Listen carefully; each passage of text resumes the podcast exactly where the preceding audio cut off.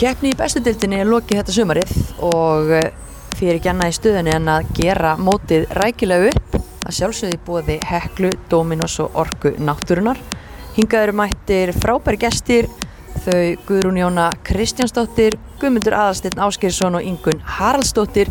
Þau fylgdust vel með í sumar og ætla að fara yfir þetta allt saman með okkur. Sjálf heit ég með Strúnasdóttir og þetta er heimavöllurinn.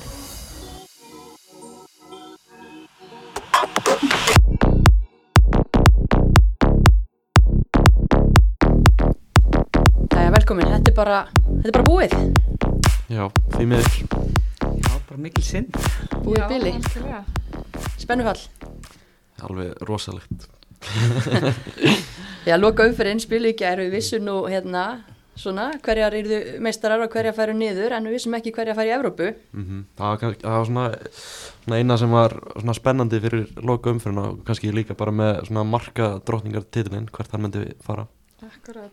Það var reyndar hörku, hörku kefni Já, var að breytast allan daginn í gær Það var rosa mikið skorað Já, nema í leiknum sem ég fór á, það var svona lengst af. það var að sjá, fylgjast með öllum hinn textalísum og skora endalust í hinn leikinum og ekkert hjá mér. Nei, Það kom, þú svona, varst á Óríkóvelli Já, ég var orguðallin. það kom svona tímabil það sem var bara það mark þarna, Já, mark þarna já, nákvæmlega. Það var út um allt. Það var á rífrestakkanum og já, það- veit, ég var líka á Óríkóvellinum Það var, það var allstaðar allt í gangi og hérna erfitt að halda utanum utanum um fjörið en, en liðin tvö sem voru kannski helst að horfa á voru blikar og, og stjarnan og það var ansi ólíkt uh, já, sjónarsvið þar þegar maður ítti á refresh hvað gerðist eiginlega í Kópói þróttar að komast yfir bara strax á bara upp á smínundunum og þrjúnu lifir í háluleik á útivelli í Kópói hafa, hafandi aldrei unnið breyðablík Ég hef sjaldan sé ég að blélan varnaleg hjá breyðablika eins og í fyrirháleik í gær Ég var akkurat Rosa bara- skrítið. já, ég var akkurat að fylgjast með þessu bara textalýsingunni, ég var bara, ha, hvað er í gangi? Já, Já, maður held eiginlega að það væri bara einhver villa. sko. já nákvæmlega. En, Svo var en, allir en samt- rósa á þrótturana samt Já. sem áður sem að bara sóknarleiku þeirra er til hópa, upp til hópa mjög góður Mhm. þannig að en, en, en þetta er mjög ólíkt blikum að að spila svona eins og það gerir gær sko. Já, og bara með að við mitt það sem þeir höfðu að keppa á svona. Já. Man finnst það mjög skrítið að og mæta svona til Kikk leiks. mig svona rosalega, sko.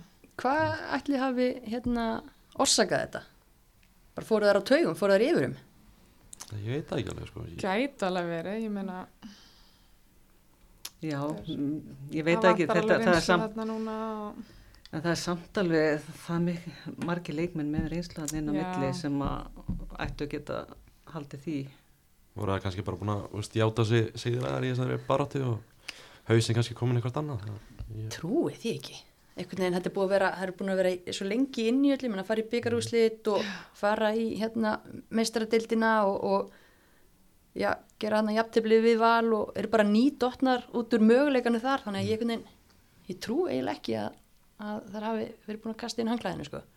Það er búið að vera svolítið erfitt tímabil hjá þeim og kannski bara hlakka þeim til að fara í fríi eða hvað ég veit það Komnar í því bara. M- Mér finnst samt bara búin að vera rosalega lítill stöðuleiki hjá breyðablík í bara sumar. Mér finnst bara búin að vera svolítið upp og neður, mikið ringla á leikmannamálum, mikið ringla á milli leikja í leikmann, eða þú veist, í stöðum Já, þetta. og, og hérna svona mikla breytingar á milli leikja. Margi leik, leikileikmenn sem eru bara að spila hálft sísón og Mhm. Já. þannig að þetta er bara búið að vera erfitt. Kópaðunum. Já, niðurstaðan náttúrulega bara mikið svona vonbreðar tímabil Eh, náttúrulega eh, flestir sem byggust við að verið náttúrulega bara valur og breyðablík eins og það hefur verið, ég veit ekki, síðustu tíu árin eða nei, svona síðustu tvö, þrjú árin allavega Eh, og já, niðurstaðan bara rosalega mikið vonbreðar tímabil -hmm. En aftur á móti, stert hjá þrótti, það er hérna náttúrulega bæta stigametið sitt í efstu deild og gera líka vel í því að þær eru að skora flest mörk í efstu deild og fá að sér fæst og tryggja sér fjórða sætið með þessum úslitum. Það er ákveðið líka ákveðin þröskuldur að fara á Kópavásvöll og vinna blíkan í fyrsta sinn. Það verður að rosa mínum konum í, í löðatalum fyrir Alveg það. Klárlega, Heldur það er allt betur. róskilu fyrir Heldur það. betur. Endaði það samt ekki þriðasæti í fyrra Jú, reynda. Já, það gerir það. reyndar, þannig að ég er svona maður, hvernig lítur maður á glasi hálfullt eða hálftómt og, og hérna það er allan að margt margt jákvætt þar en, en það sem er kannski ekki jákvætt eh, fyrir þróttarinn og fyrir blíkana er hvað stjörnuliðið er búið að ná miklu meiri stöðuleika í ár og á sama tíma og blíkar voru tómi tjóni á Kópavásvelli þá náttúrulega landa stjörnukonur þessu meistaradeildar sæti mjög fagmannlega á samsóngvellinum. Það var bara mjög góður í þessum leik. Keflaðið gáttu bara ekki breyk, sko. það var bara eins örugt að það gerist Já. 4-0 hvernig náspjast með þrennu og, og, aðeins farin að ógna þetta að marka komstillinu já, um mitt og Jasmín aðeins farin að svitna og hún setur þá setti eitt til örgis gulltryggir þetta og hún er markahæsti dildinni um, hver sá það fyrir fyrir tímbilið engin, Nei. nei, ég held engin, að sko. nafni hennar hafi örglega ekki komið upp í þeirra umræði sko Nei. nei Ef það Þetta- ef það hefði verið eitthvað svona stöðlar í, í veðböngum eða eitthvað um markadrótninguna í bestöldina held ég að hún hefði ekki kannski verið á topp 10 sko.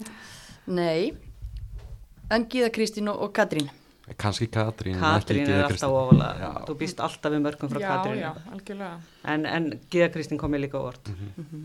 en Bara- bara alltaf magnað afreka að stjarnan eigi þrjá af fjórum markahæstu leikmunum einmitt, hvað þetta er að dreifast þarna á þær allar það er rosa dildarinnar skora næst mest á eftir Íslandsmeisturum Vals það er fylgur 45. styrkur sko, þessum Kannski- sóknuleikja munurinn á stjórnin og breyðablikas tímbili er eins og sagðir án að stöðuleikin Já. þær voru með eða sama byrjunni bara í öllum leikjónum og, og fundu góðan stöðuleika og það skilaði sér í, í góðum úrslitum mm -hmm. Og eins valur.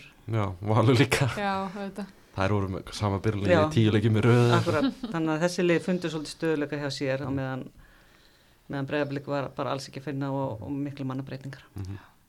algjörlega og þróttarar svo sem líka aðeins mannabreytinga þar en vegna meðsla þú veist, það voru leikmenn sem voru áti fyrir luta og komið inn í sittni og, og, og öfugt þannig að, að það má kannski bara segja það um þetta topp tveir hafi já, hefna stöðuleikin greinilega skila þeim ansi miklu Ah. Mhm. inn í þetta mót og þetta stjórnulega bara komið virkilega langt svona í, í sínu ferli að það er ekki langt síðan að þær voru bara í svona, ef við tala kannski um svona MBA-mál, það var í rýbild já, það var mikið svona marga breytingar og, og svolítið svo kem, Kristján Guðmundsson kemur inn og hann hefur svolítið búin að byggja þetta upp og þetta er bara orðið virkilega stertið Já, og mikið rós og Kristján. algjörlega, Já.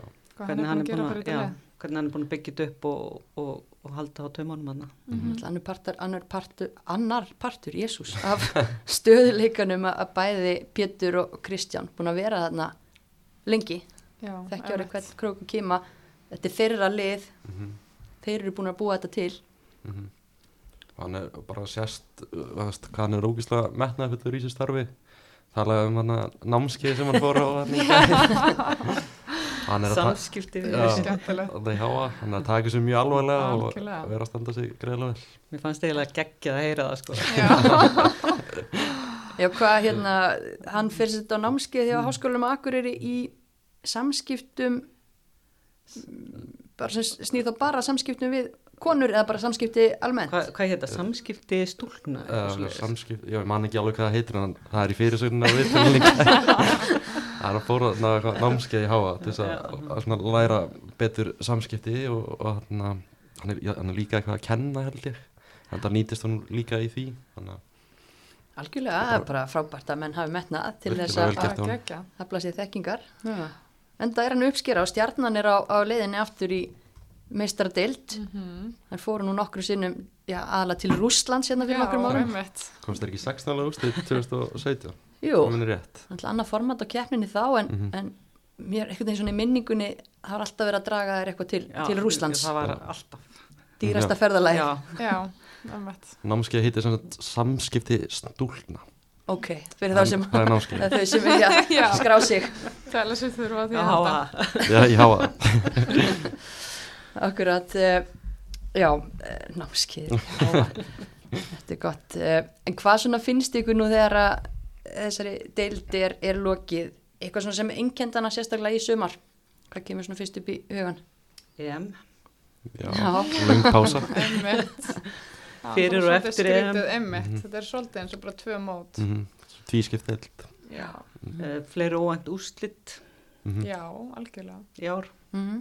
nokkuð margir svona jafnir og, og spennandi leikir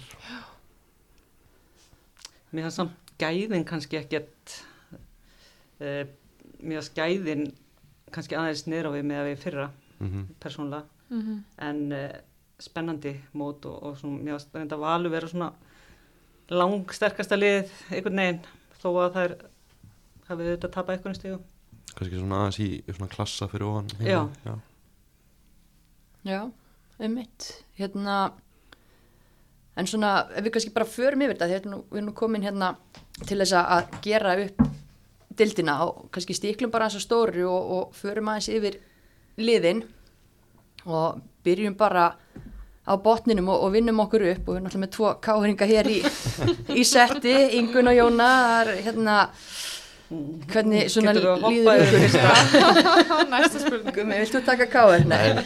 Hva, hvernig hérna líður ykkur yngur, þú varst náttúrulega fyrirliði liðsins, eh, ert ekki með í sumar, varst náttúrulega komið til Greiklands en, en hérna, ert ekki búin að spila vegna meðsla en þú ert náttúrulega búin að fylgjast vel með, reikna ég með Já, ég hef nú gert það og hvað er hægt að Það segja? er búið að vera bara voðalega þungt sumar um, Náttúrulega bara einmitt eins og allir hafa tekið eftir alls konar skrítin mál að koma upp og bara það sem er að gerast baka tjöldin og Mhm. bara rosalega þungt fyrir leikmannhópin og bara allt rósa þær fyrir að klára þetta með sigrið í gær Já, ég og samla aðeins að því. sína smá samstöðu og bara og fara vel út úr þessu Já, það er mjög flott hjá þeim. Þetta er Maður bara hefur, búið að vera mjög- þrátt fyrir allt þá hefur maður séð emitt svona skína í gegnum leikmannhópin Já, já, a- a- að það sé ágætis svona stemning allavega svona að reyna já, að gera hlutina á góðan hátt. einmitt og þær standa saman og það er Já, Og það hefði verið mjög auðvelt held ég að missa hausinn og, og missa fókusinn meða við allt sem maður hérna, heyrir að hafa verið í gangi þannig að Já, fyrir löngu séðan sko. Þannig að, bara rósa á, á, á þær og, og ammæliskveðir til Rebekku Sverris fyrirliða Já, sem að bara er algjör fyrirmynd og flotta að hún bara þóri að hans að láti sér heyra já ég var ána með hana. Já, Eh, ok. Þú veist, eh, fyrst sko, þegar Rebecca segir eitthvað svona þá er það virkilega Já. eitthvað sem er í gangi. einmitt. finnur náttúrulega ekki sangjarnari Nei. mannesku sko heldur Nei. en hana þannig að það er ekki verið að, að tala neina vittlisu þarna og hún er ekki að leika sér að því að, að kveiki eitthvað elda eða eitthvað, eitthvað slíkt það er bara Nei, hún er bara algjörlega að segja sannleik og, og hvernig þetta er í raunni og, og við töluðum náttúrulega um þetta hérna fyrir sumar um, og ég vona bara að þetta verður til þess að, að káir vakni, Mm. stjórnin vakni, allir í kringum félagi vakni Mhm. og fara að gera þetta almennilega. hvað þarf að veist, gerast til þess að káir verði svona stöðugt úrvastöldafélag eins og á að vera Þess, þetta er náttúrulega stórveldi í íslenskum fókbalta Það þarf það náttúrulega bara að byrja á allri umgjörð mm. í kringum, kringum liði og byrja í yngri flokkunum líka. Já, algjörlega. og, og, og byggja upp og hérna láta skila sér betur allarlega upp Já, en ég held að sé líka bara stórt í þessu bara hugafarsbreytingin. já, hjá, hjá félaginu Já, í sem, og það er bara eitthvað sem þú breytir ekki bara á einhverju viku með því að hérna, manna einhverja börur eða eitthvað slíkt, Mhm. þú veist, va- vand, stóra vandamálið er ekki að valla klukka bíl einhver tíman heldur, vandamálið er bara þetta að hugafar. og, og þetta er Ætlið ekki að vera nýtt með- Nei, ég ætlaði að vera með kvennalið bara út af því að þið þurfið þess eða, þú veist, brenniði fyrir því í alvöru. þetta er búið að vera frá því að ég var að spila sko. sem er ansi langt síðan já, það hefur bara verið rosalega erfitt að breyta hugafærinu í Vesturbænum en ég ætla að vona svo sannlega að það, þetta verði til þess að dauðafæri núna Já. og þá langar mig einmitt líka að spyrja hvað haldið að gerist núna? Nú er búið að gefa út að Arna Páll eh, þjálfar liðið ekki áfram, við vitum ekki það er ekkert komið með Kristoffer Harrington og það er ekkert komið hvað leikmenn er að hugsa Ég Meina, það þarf að gera betur fyrir þessa leikmenn sem er að standa vaktina á vellinum vitið þið eitthvað, þú veist, hafið þið eitthvað tilfinningu fyrir hvað, þú veist, er ykkur að taka við er búið að ákveða það, vera Harrington áfram, vera leikmenn áfram Mér, svona, ummalin þannig, að um daginn hjá Kristofur Harrington þá fannst mér bara eins og hann væri að reyna að láta reyka sig sko. Já, Þannig í, að um daginn sko, Þetta hann- tala um hann í leiknum, Já, já, í leiknum. átakan, já. sem bara náðist á upptöku þarna. já, Þannig að öllum var slett saman um kvennabólt líka Svo kom Já. hann nú hérna, það var eitthvað að viðtala eftir, þá var hann eitthvað, það er nú alveg fullt að jáka, það er svona, er hann eitthvað núna, er hann að halda vinnunni? Já. Og það það er þetta að vera með svona mæk fyrir ofan sig á bekknum, maður þetta alls konar eitthvað vitlaust fyrir aðeins búið sér. að tala við hann það róa sig að aðeins róa niður. sér niður með við það, það svona, sem gekk á þar þá held ég að hann verði ekki áfram en ég hef, hef ekki teirt sko og svona Ég veit það ekki, sko. nei, Nei. En hva, bara, ég spyr þig bara, þú Já. ert á road to recovery frá þínum meðslum, er, Já, hvernig er Ég er- staðan á þínum fótbalta ferli? ég er einmitt bara náðum að mæta nokkru æfingar með stelpunum, með káastelpunum í september. Ok, Þannig að ég er bara svona, já, er eiginlega bara núna að verða klár. Þannig ég er bara, hvenær kemur næsta sísón? ok. Þannig að ég stefnir það að geta að byrja ef að fylla í nómber, en hvar það verður, Mm. það veit ég ekki. Nei, Ég er náttúrulega bara, já, liðslaus og samningslaus eins og er, þannig að, Er Káður eitthvað búið að ræða við þig um að koma á næst tímbulega? uh, nei, ég er ekki búin að eiga neinar viðræður við þau um það. Erstu opið fyrir því að að vera þar ef að, ef að hérna, eh, já, þú Færð. færð, Ef að hluti breytast. Um, það er góð og stór spurning sem að mér finnst ég eiginlega ekki þurfa að svara á meðan þau eru ekki einu svona að ræða við mig. nei, Nei, nei. Það skilur, er bara, já, ég er alltaf ofin fyrir samtali en við sjáum hvað Já. gerist. mm -hmm. heldur að, að, En mér langar að spila í FCL-delt, Mm -hmm. þannig Já. ég held að það svo verið í. Já. Mhm. Ég stefna á það, mér langar að prófa þessa bestu til. akkurat, besta dildin, það er svona planið. Já, en veistu, eða þú veist, hvað heldur við með, með leikmannhópin, þetta er náttúrulega, það er nokkur, þetta er ekkit brjálaslega stór kjarni íslenskra leikmanna, Nei, það voru náttúrulega einhverju lánsleikmenn að ekki líka á eitthvað. Jú, Mm. svo þessar stelpur sem fara í skóla og Já, þú veist, þetta er svona og, þungt, og sko. erlenduleikmennir. Já. Þannig að ég, ég held að hópunum s- eins og svona er núna sé ekkert eitthvað rosalega stór Næ, en, en ég vona að að flestar þessar stelpna haldi áfram og sérstaklega þessar, un, þessar ungu káringar Einmitt. A- a- að Það þær var haldi bara- áfram og hérna og það verður hugsað um þær Já, það er bara Og- mikilvægt um þetta félagi að sittist niður Já. og, og, og tala við þessar stelpur Já, og, og gefa þeim eitthvað gefið þeim eitthvað og gefið þeim eitthvað og vonum að þetta Mhm. Já. verði betra og, og, og haldi utanum þær og, og þetta verði betra í framtíðinni standi við stóru orðin líka, Já. algjörlega. og það er ekki nóg að að bara tala, það þarf að, Nei, Fylgja og því sína eftir. í verki Mhm. en hérna, eins og segjum, þetta er búið að vera ansið þungt hjá, hjá KR, en, en Já. það voru líka eh, náttúrulega einhverju ljósi punktar og nú vil ég fá að heyra frá ykkur að því að við erum hérna í bóði orku náttúrunar og við ætlum að velja sem sagt, besta leikmann hvers liðs í sumar, einhver sem var onn fyrir sitt lið já, við erum búin að tala mikið um orku náttúrunar uh, í sumar og það er eiginlega bara að því að það er svo mikið af frábæri þjónustu sem að þau bjóða upp á hvernig var aftur með ykkur, það er ekkert ykkar komið á rafbílinn en þá, eða hvað Nei, ekki að Nei, þá. stundum lögmast ég í rafbílinn hjá Tengdó ok, eru þau með onlíkil? Já, já, já, já, já, já Auðvitað. og ert þú búin að ná í Ég ætla- on-appið? já, já, já Ég hliða hann stundum með mitti á meðan ég er í skólanum eða eitthvað já, ert að nýta Leggjanum í leiðinni og á onstöðunum já, og þær eru út um allt Ég þæli þjónust Já, algjörlega, þetta er út um allt sko þannig að það er einn hérna bara á, á næsta hálsi mjög þægilegt, Einmitt hún getur hlaðið næst þegar þú fær bílinn hjá Kem tengd og hingað, já, Einmitt, það er leitt að þurfa ekki að vera með heima hlæðslustöð sko Geta Mhm. bara stokki meðan eitthvað til nágrinni akkurat, hverfa hlæðslur, það er eiginlega bara við flestar sundlegar og íþróttamiðstöðar út um allan bæ, Bara út um allt. þannig að fólk getur tjekka á því og eins og ég var að segja um daginn, ég er sko með on-appið en ég á ekki ramaspíl, en ég er bara svo gaman að skoða Gott, sko. bara hva, hvar, hérna, hvar stöðvarnar eru og, Er, og er það fyrsta appi sem þú opnar á símanum á hverjum degi? neða ekki fyrsta en, en ég opnaði að furðu oft Það er alltaf- ég get alveg sagt það Ég sé bara spurningum ekki við það. maður má láta sér dreyma Já, það er rétt. Undirbúið þannig sig. að það er bara verður allt klárt en, en hérna bara já og onn líkil náttúrulega fyrir, fyrir þau sem að eru mikið að- að hlaða líkil viðskiptavinni fá 20% afslátt líka af heimilisramagninu ég er með heimilisramagnið það er eina ramagni sem að hérna ég er með að því rúli ekki um að ramagnið þá og það er svo sannarlega í góðum höndum hjá onn en það er alltaf hægt að ná í þau 24-7 ef eitthvað skildi nú kom upp á en nóg um það, hver er búin að vera onn fyrir káir í sumar? Ég var með tvö nöfn mm, Rebekku Sverris og Isabellu Söru Mhm. Neist það búið að vera svona Káar hérta að skína í gegn hjá þeim í allt sumar Ísabella er virkilega spendileg maður. Já, emmett, hún er hvað, 2006 Mhm. módel. Það er Kornung. mjög- Einmitt, mm. bara frábæð leikmaður.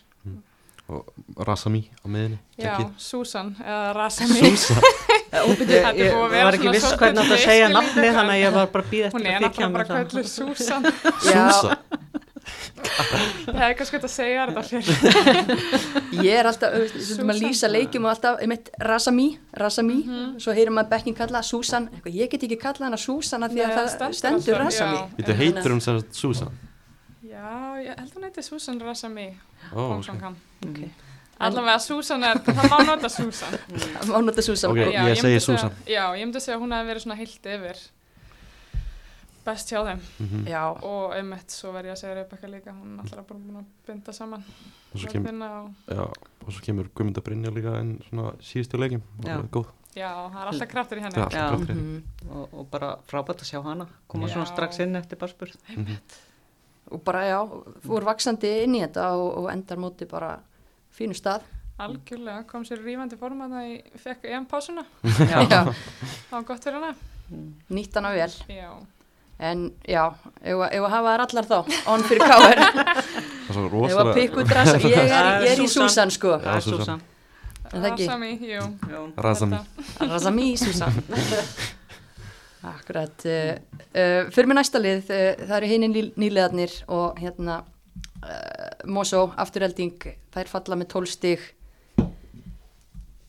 Hvar á maður að byrja þar? Þetta er náttúrulega umræðan í byrjun móts snýrist bara um meðsli og, og vesinnisgang og, og það hefur svolítið verið kannski gegnum gangandi allt sumar af því að talandi um að Stási hafa aldrei fundið lið sitt hjá blikunum stömingi Alexander Aron Ég fjögur mismyndi liðið eða og eitthvað búin að nota 34 leikmenn eða Vá. eitthvað. Já, einmitt. þetta er alltaf Það er rosa Það er hörku verkefni, sko. já, og eins og bara kom inn á Sigrun Gundís kom inn á í viðtali eftir leiki gæra að það er svo sárt að, að leikmenninni sem að komu þessi lið upp það Mm. er fengur svo ekki tækifæri til þess að spila með liðinu nei, mitt eh, ekki meina, allar þar að segja Ragn, Ragnar spilaði ekkert Nei, eh, og Guðrún Elspeth mjög, lík, mjög lítið Fimm sags leiki náði Já. samt að sína okkur á þessum 5-6 leikum ekki í almennilegu standi Já. hvað, hvers hún er megnu sko Já. einmitt og hvað hún hefði haft rögnu þarna til að leggja upp Vá. Mm. þessi mörk á hana sko. það, maður Já. hefði viljað sjá það nefnilega það er rosa leðalegt að það er rosa mikið svona ef og hefði Mhm. algjörlega þetta Mm. er sárt ég, en, en það máli hrósa afturlendingu það- samt fyrir umgjörð og, og stemningu og, og svo leiðis mm svona í- í kringum Algjörlega. þetta allt saman Mm. algjörlega og þau fóru all in og Já. við sáum það bara líka þegar erlenduleikmennir uh, stóðist ekki í væntingar það var bara mm -hmm. tekin séns og, og, og skipt út en það gekk ekki upp en, en, en, Nei, ekki heldur en það er einmitt. bara stundum þannig uh, Tó, þeir tóku þá allavega sjensinn og, og svona voru að reyna Já. Já. bara mikið lagt því í þetta. miður þessi sending sem kom var fyrir neðan já, Ekki alveg nægilega góð nei, hún var eiginlega slagari en, en fyrir, fyrir Já. sendingin það já, er eiginlega því miður viðkennast en það er bara eins og, eins og gengur gerist og, og svona maður fannst það komur nokkuð móment svona yfir sumari þar sem maður hélt heyrðu, eru þau að ná að réttu kútnum en það var yfirleitt bara já, eitleikur, jafnvel bara hálfleikur já, já. þetta það var var stórt bara ekki nóg Nei. Ok, Alexander Aron talaði náttúrulega um það að það var hægt að gera bíómynd úr þessu sömari ég spurði, spurði, og svo talaði hann um eitthvað þætti held ég líka og ég spurði hann eitthvað mann í viðtölum um daginn hvort hann ætlaði að sér að gera þess að þætti og það sagði hann að nokkru hefði haft samband en ég vildi ekki gera sorgasögu vilja bara gera skemmtið efni sko, þannig ég má sér fæna Þetta er Mm. bara svona tra- trílógía sko, byrjar síðasta sumar, tekur hérna partysumar mikla og svo fá alla COVID í janúar og þá byrjar hérna allar undir fæti og hérna svo endar þetta ekkert fyrir næsta tímbil Mhm. mm. einmitt þar sem það vinna sig möguleg upp aftur Já. af því að það hlýtur að vera planið í Mosó Já. það hefði verið gaman að fá svona veist, all or nothing þætti eins og þeir gerði hann um Arsenal og Man City og þannig, fá þannig þætti um afturhaldingu í sömar það er Svo ekkert væri ekkert alveg, útlökað alveg hægt að gera líka bíómynd um öll þessi um, ummæli frá Já. Aroni í sumar. ég var að elska þau sko Viðtölum við hann, maður minn. það er alveg að synda að missa núna sem Já. þeir bara út af þessum viðtölum sko. verður við ekki bara að fá hann sem sérfræðing þá Mér næsta finnst sumar það. Já. það gleymist Alveg. það gleymist kannski að þið eru þrjú Já. þannig að þjálfara sko, þannig aftalningu en Já. það er alltaf leita til hans í viðtölum að því að hann er Skiljanlega. ógeðslega góð í viðtölum svo hefði ég eitthvað um daginn að hann hefði verið að tala um að- að- hefði eitthvað verið að spyrja hann af hvernig hann væri í öllum við- öllum þessu viðtölum að það sagði hann, þeir leita mig alltaf uppi Já, ég skil það mjög vel, Bjarki svo rólegur að hann, Já. hann myndi ekki, ekki, hann myndi ekki hérna- setja neitt út Gefur úr ekki sér þessa fyrirsakna alveg. Nei, þannig að bara öll viðtölum hans Alexander í sumars eru bara gó- góða fyrir sko. geggja virðsanir það væri Kjarninn hægt að gera í bíómynd um þáttaröðina. þau Já, sko. já, Þetta er allavega eitthvað efni og það er gekk, kvikmynd að gera fólk í, í kringum dildina.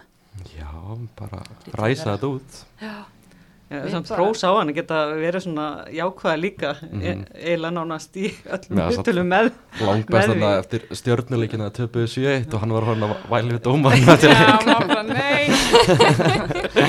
já, já hann prófaði nokkrar útfæslur Já, en, já, en, já. en svona heilt yfir bara jákvæður og, og, og einbytta Já. sér að sínu liði en ekki, Já. ekki já, já, einhver þetta var öðru. bara Bara- gaman á hann. Já, bara virkilega svona skemmtilegu karakter í Já, þessa til ég, ég er alveg sammála því Haldið að hann verði áfram með liðið? Ég spurði hann þessum daginn þá sagði hann að na, hann vissi ekki hvað hann væri að fara að gera á morgun þannig að Ok, þetta væri svona, það er svona í lausu lofti en ég er bara vonað það Já, ég, já, ég ég, myndi sé búast ekki við því alveg ástæð til annars, sko. Mm. Kannski Ef hann líka- er eitthvað því. Einmitt, erfitt eitthvað að skrifa þetta fall á, á annað heldur en bara, Þetta var Þú veist, náttúrulega bara bara eitthvað rosalegt sumar hérna já, Nei, ég held að sé rosalega erfitt að skrifa þetta eitthvað á þjálfara teimið eða eitthvað svo leiðist þannig að svona meðsla, fíasko Eh. og En Já, náttúrulega, og er, mér- er þetta allt bara tilvílanir allir dett út eða það er eitthvað að endur skoða æfingarnar eða þú veist, maður spyr sér Já, líka já. af hverju er þetta ég spurði hann af að hverju þessu detta allir út? fyrir í sumar, það reyndar þetta eru örgulega tveggja mánu gamlar heimildir en þá uh, vildi hann meina að- að þeir leikmenn sem hefur dottið út, það hefði verið eitthvað högg, þetta var ekki tóknanir eða eitthvað sem að mætti reykja beint til þjálfarinnar, eh, nei, þjálfunarinnar ekki nema kannski ef þau eru alltaf að glíma eða eitthvað á æfingum Hvað gera það eitthvað? Já, nú að höggum en, Ok. en, en hérna, þetta er örglega eitthvað svona smá blanda af já, já, óheppni ég meina auðvitað og- spyr maður sér að þessu en Eh, með mett, Ég er alveg sammála því, maður spyr sig að því hvort að já, hvernig, Þau eru- af hverju eru svona margir að- að meðast sko. með styrtaþjálfara og sjúkraþjálfara og með mjög stórt og reynslu, eða þú veist, kannski ekki reynslu mikið í efstu deild en ég meina þjálfari eins og Bjarki búin að rendalast í þessu rút með bara byllandi reynslu sem leikmaður og, og allir sem leikmaður og, og svo núna síðustu ár þjálfari, ég meina það er fullt að reynslu þarna og ég trú ekki öðru eldur en að að þú veist þessi mál séu svona þokka, þokkaleg já, það hlýtur að vera Mm, Eitt kannski með afturlandingi viðbútt verður Guðrunar sér þetta áfram í lengdelna á næsta tímpil Alltaf tekur hann ekki stökkið upp ég, ég held að sko, já, Hún er bara eins og þau sögðu á hann bara í þessum leikjum sem hann hefur spilað í, í sumar hún er bara sínt ótrúlega mikil gæði hún hlýtur að vera rosalega ofalega á hlýtur mörgum allan að um blöðum mett frá Já, einhver ég- síntöl, sko Það ég hlýtur að vera. hérna ég get ekki annað en ímyndi með það eftir að hafa skorað eitthvað 23 mörg í lengjudeildinni að hann að langi til þess að ná heilu Já. tímabili í bestu deildinni bara svona sjá hvað hún stendur Mhm. sko. Algjörlega, Og ég held henni langi líka til að spila með Rögnu í bestudeldinni, en ég veit ekki hvernig gengur hjá Rögnu á Road to Recovery. Nei, ég veit það ekki heldur Mhm. Það er eitthvað, það var mjög mikill missir að henni uh, hún, þó að Guðruna Elisabeth hefði skorað skora öll þessi mörkarna í lengjudeildinni að þá var Ragna nánast hluti af hverju einustu marki hjá Já. afturhildingu þannig að það getur verið mjög spennandi, ég ætla Góður ekki að segja tveir fyrir pakkadís. einn, já. en, en gæti afturölding kannski, já, reynda freysta þess að semja við þær og lána þær svo, af því að ég veit að, að mósvellingar eru að horfa í það að- að fara beinustu leið upp aftur. Guðrunar Elisabeth með samning út næsta tímpil hún er á samningsbindu samkvæmt KSI já, en uh, þetta ekki niður samningar þegar að hérna ekki lengur í, er það fellur. ekki? Er eitthvað búið að breyta því? Búið Búið að breyta að breyta því því eitthvað. Þá er það held ég, Eða Eh, þá, þá er búið að breyta því ég held að já, ok hún er með samning til 2023 samkvæmt Já. KSI Já. já. Þannig það væri kannski bara Ka- vinn-vinn fyrir alla af því að að En, en ef það er eitthvað sem getur samfært hana þá er það allir því að hann getur samfært ansi margar það er satt. það eru klálega liði í bestuðinni sem antar sónamann, strækjar til að skora mörg Já. algjörlega Það er, það er alveg nóg að liðum, ég, þú veist, það myndi öll lið í deildinni þykja starfskrafta Gunnar Elisbetar, ég Já. bara, Já. það Ég hún held er það. að fara að fá ansi mörg símtöraldi mm í vetur mm, Hildur Karitas, hún lítur að fá símtöl líka. Mhm. Hildur Kartas var bara mjög góð já, og, og ég er líka bara svo glöð að sjá að hún nái aftur komið sem á stöðuleiki að ná, ná heilu tímanbili aftur Mm. Mhm. Einmitt. þannig að, að, að hérna, hún er bara búin að sína sín gæði Já, algjörlega En talandi það að því við erum að tala um þessa leikmenn, Já, hver var onn fyrir afturhildingu í sumar?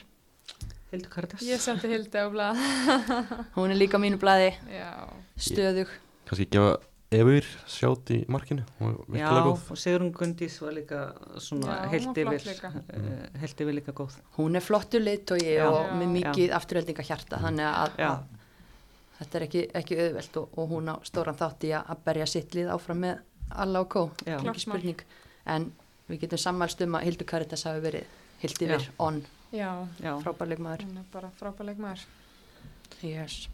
Yfir til Sunny Kef Sunny Kev já, Þær hérna, já, voru sokkuðu sérfræðingana sem að spáðu þeim niður, heldur betur, eins og fræktur orðið og uh, voru búin að tryggja áframhaldi haldandi veru sína í dildinni bara fyrir þó nokkur síðan, ef svo maður segja. Þær þurft aldrei að svitna eitthvað almennilega á lokasprettinum.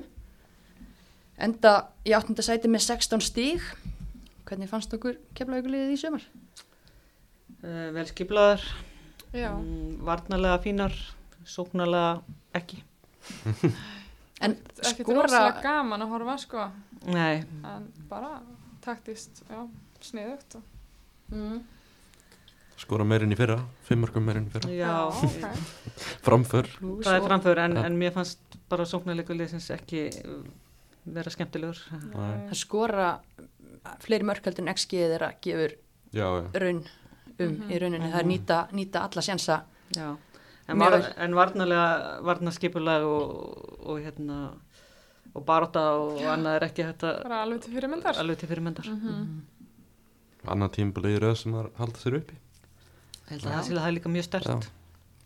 og vonandi náður að byggja ofan á það já, Mhm. einmitt. núna, Aðeins hald, hærra. hald, halda svolítið söpum hóp og, og, og svo byggja ofan á og, og bæta kannski það sem það þarf. Einmitt. það verið talað einmitt svolítið um það núna ok, það er að- að hérna, tryggja sætið sitt annað ári í röð, hvað er næst ætla þær alltaf að vera í þessum strögglpakka eða geta þær farið ofar, getur þetta lið farið herra og hvað þarf að gerast til þess Það er góð Já, spurning. það er góð spurning. Uh, Sjáum sko það, veist, það er eitthvað af, af efni við þarna, það er alltaf það er búið að vera mjög ungu bekkur í sumar, stelpur sem var kannski ekki fengið eitthvað brjálæslega marga mínútur en, en það er svona að búið að vera öflutt yngriflokkastarfi í gangi þarna, Já. erfitt að, að byrja meistarflokksferilinn í bestu dildinni samt. Já, já, og, og það er samt líka svona viss kjarni sem er búin að vera þarna svona afkjæmlegu stelpum. Mhm. Þannig að hérna, uh, kjarnin er til staðar en, en það þarf bara að byggja aðeins um, meira ofan á hann. Mm Gunnar Magnús búin að vera mjög lengi með liðið, haldið að hann verði áfram. Ég held það. Ég hef nú hýrti svona einhverjar svona sögursagnir um að það verði breytingar í Keflavík. Já, hvað hefur þú heyrt? Ég hef bara heyrt að að Gunnar Magnús sé kannski bara, hann verði ekki áfram, en ég hef ekki heyrt um að það sé einhverjar að fara að taka við, eða hvort að, að verði, eða hver það verður sem tekur þá við af hann. Ég er nefnilega, heyrði nafni hent fram í gær án þess að ég hafi nokkuð fyrir mér um það hvort að Gunnar Magnús sé að hætta eða ekki ég hef ekki hugmynd um það en hérna einhverjir vildu minna að, að það væri kannski þessi virði ef að Gunnar Magnús væri að hætta að heyra í Alfreði Elias sem að Já. er án starfs Hann er náttúrulega á svæðinu þannig. einmitt, ekki að leita hana Hann er ekki lengi að keira það yfir. Nei, nei. Nei, nei, en þetta er bara, ok bara eitthvað legubílasaga sem að hérna, kemur með haustinu Já, Einmitt. en svo er spurning, það er náttúrulega, hann er búin að vera einn í sjö ár og þetta er búin að ganga vel. Mm -hmm. Þóra er að fara í þessar breytingar eða, eða heldur hann áfram eða Gunnar komi nóg eða sjálfur eða, eða hérna eða hann vill hann ná að byggja hún á þetta mhm, svo, það er svo margt í þessu og Svo- erfitt já. að finna já, svo er spurning hvort hann sé rétti maður til að lifta sig aðeins upp, fara óvar með þér. Það er svo spurningin. Það er, já, það er ótrúlega margt og það er ekkit ré- eitt rétt svar og það verður alltaf bara þá að koma í ljós út frá Mm. þeirra ákvörðin sem er tekin, sko. Algjörlega. Með svona þessa vitjana punta. En hérna, keflaugliðið, hver var onn fyrir þær? saman það já, Ég held að það sé engin er spurning. auðvelt að pikka hann út Hún var í miklu stuði og hérna, já, gummið, þú ert alltaf í tölfræðinni, Mhm. mm. komið í veg fyrir, Tíu mörg, held ég, tí, rúmlega tíu mörg, já, svona tölfræðinni. það er á gætt. var efst í þeim tölfræðarflokki í sumar og Sandra var í öðru seti mm, og Íris Dögg í treða já. Mhm. Hún var klárlega frábær. Ég veit að Ingun, þú varst hrifin af öðrum, já, Keflvíkingi. Anna Santos mm -hmm. Mér finnst Já. hún ansið flott líka. Hún var svona all over the place bara, svolítið mikið og, Hún og er það var alveg... Já, hún er skemmtikraftur, nákvæmlega. og hún er gerði alveg- mikið fyrir liðið. Já, Já. það voru alveg nokkur steg sem að hún bara já, skaffaði alveg sjálf fyrir keflaug. Þannig að, spurning hvort þessir tveir leikmenn verði áfram á næsta tímpil Já, það er stór spurning sko. Kanski til þess að ná að taka þetta næsta skref, að þá væri gott fyrir keflaðið að halda þeim. mm -hmm, Klálega, Algjörlega, það verið rosalega mikilvægt ekki Já. fara í eitthvað nýtt lotteri. Já, Mhm, algjörlega alltaf verið að breyta. Mhm. af því að líka bara eins og leikmaður eins og Anna Pála þó að við séum svolítið að dásta að eh, brasilísku hérna, lipur, li- lipur töktunum sko og, og heitlumst að því þá, þá gerir hún svo margt annað fyrir liði líka hvernig hún heldur bolta, vinnur Já. tíma gefur liðinu sínu færi á að komast í skipula og annað, eitthvað sem að, maður er kannski geta að pæla í hún margir svona eitthvað að gagna okkur skora hún ekki meira en, en þú veist, hún er bara í svo mörgum Já. hlutverkum hún er Já, ekki bara, bara þessi einmitt. kreatív player hún ég held að það væri Klárt mál. er risastórt og það er eflaust verið að að ganga frá því núna í keflaug í trúgjöru. Mhm. Um, höldum áfram fyrir norður og land. Þór Káa ætlaði sér að vera í efri hlutanum Já. fyrir þetta tímabil, Já. töluði opinskátt um það og það er ótt að segja að það hafi ekki gengið, það voru bara í bullandi brasi lengst af, endi í Mhm. sjönda sæti með 17 stig. Unnu val hérna fyrst.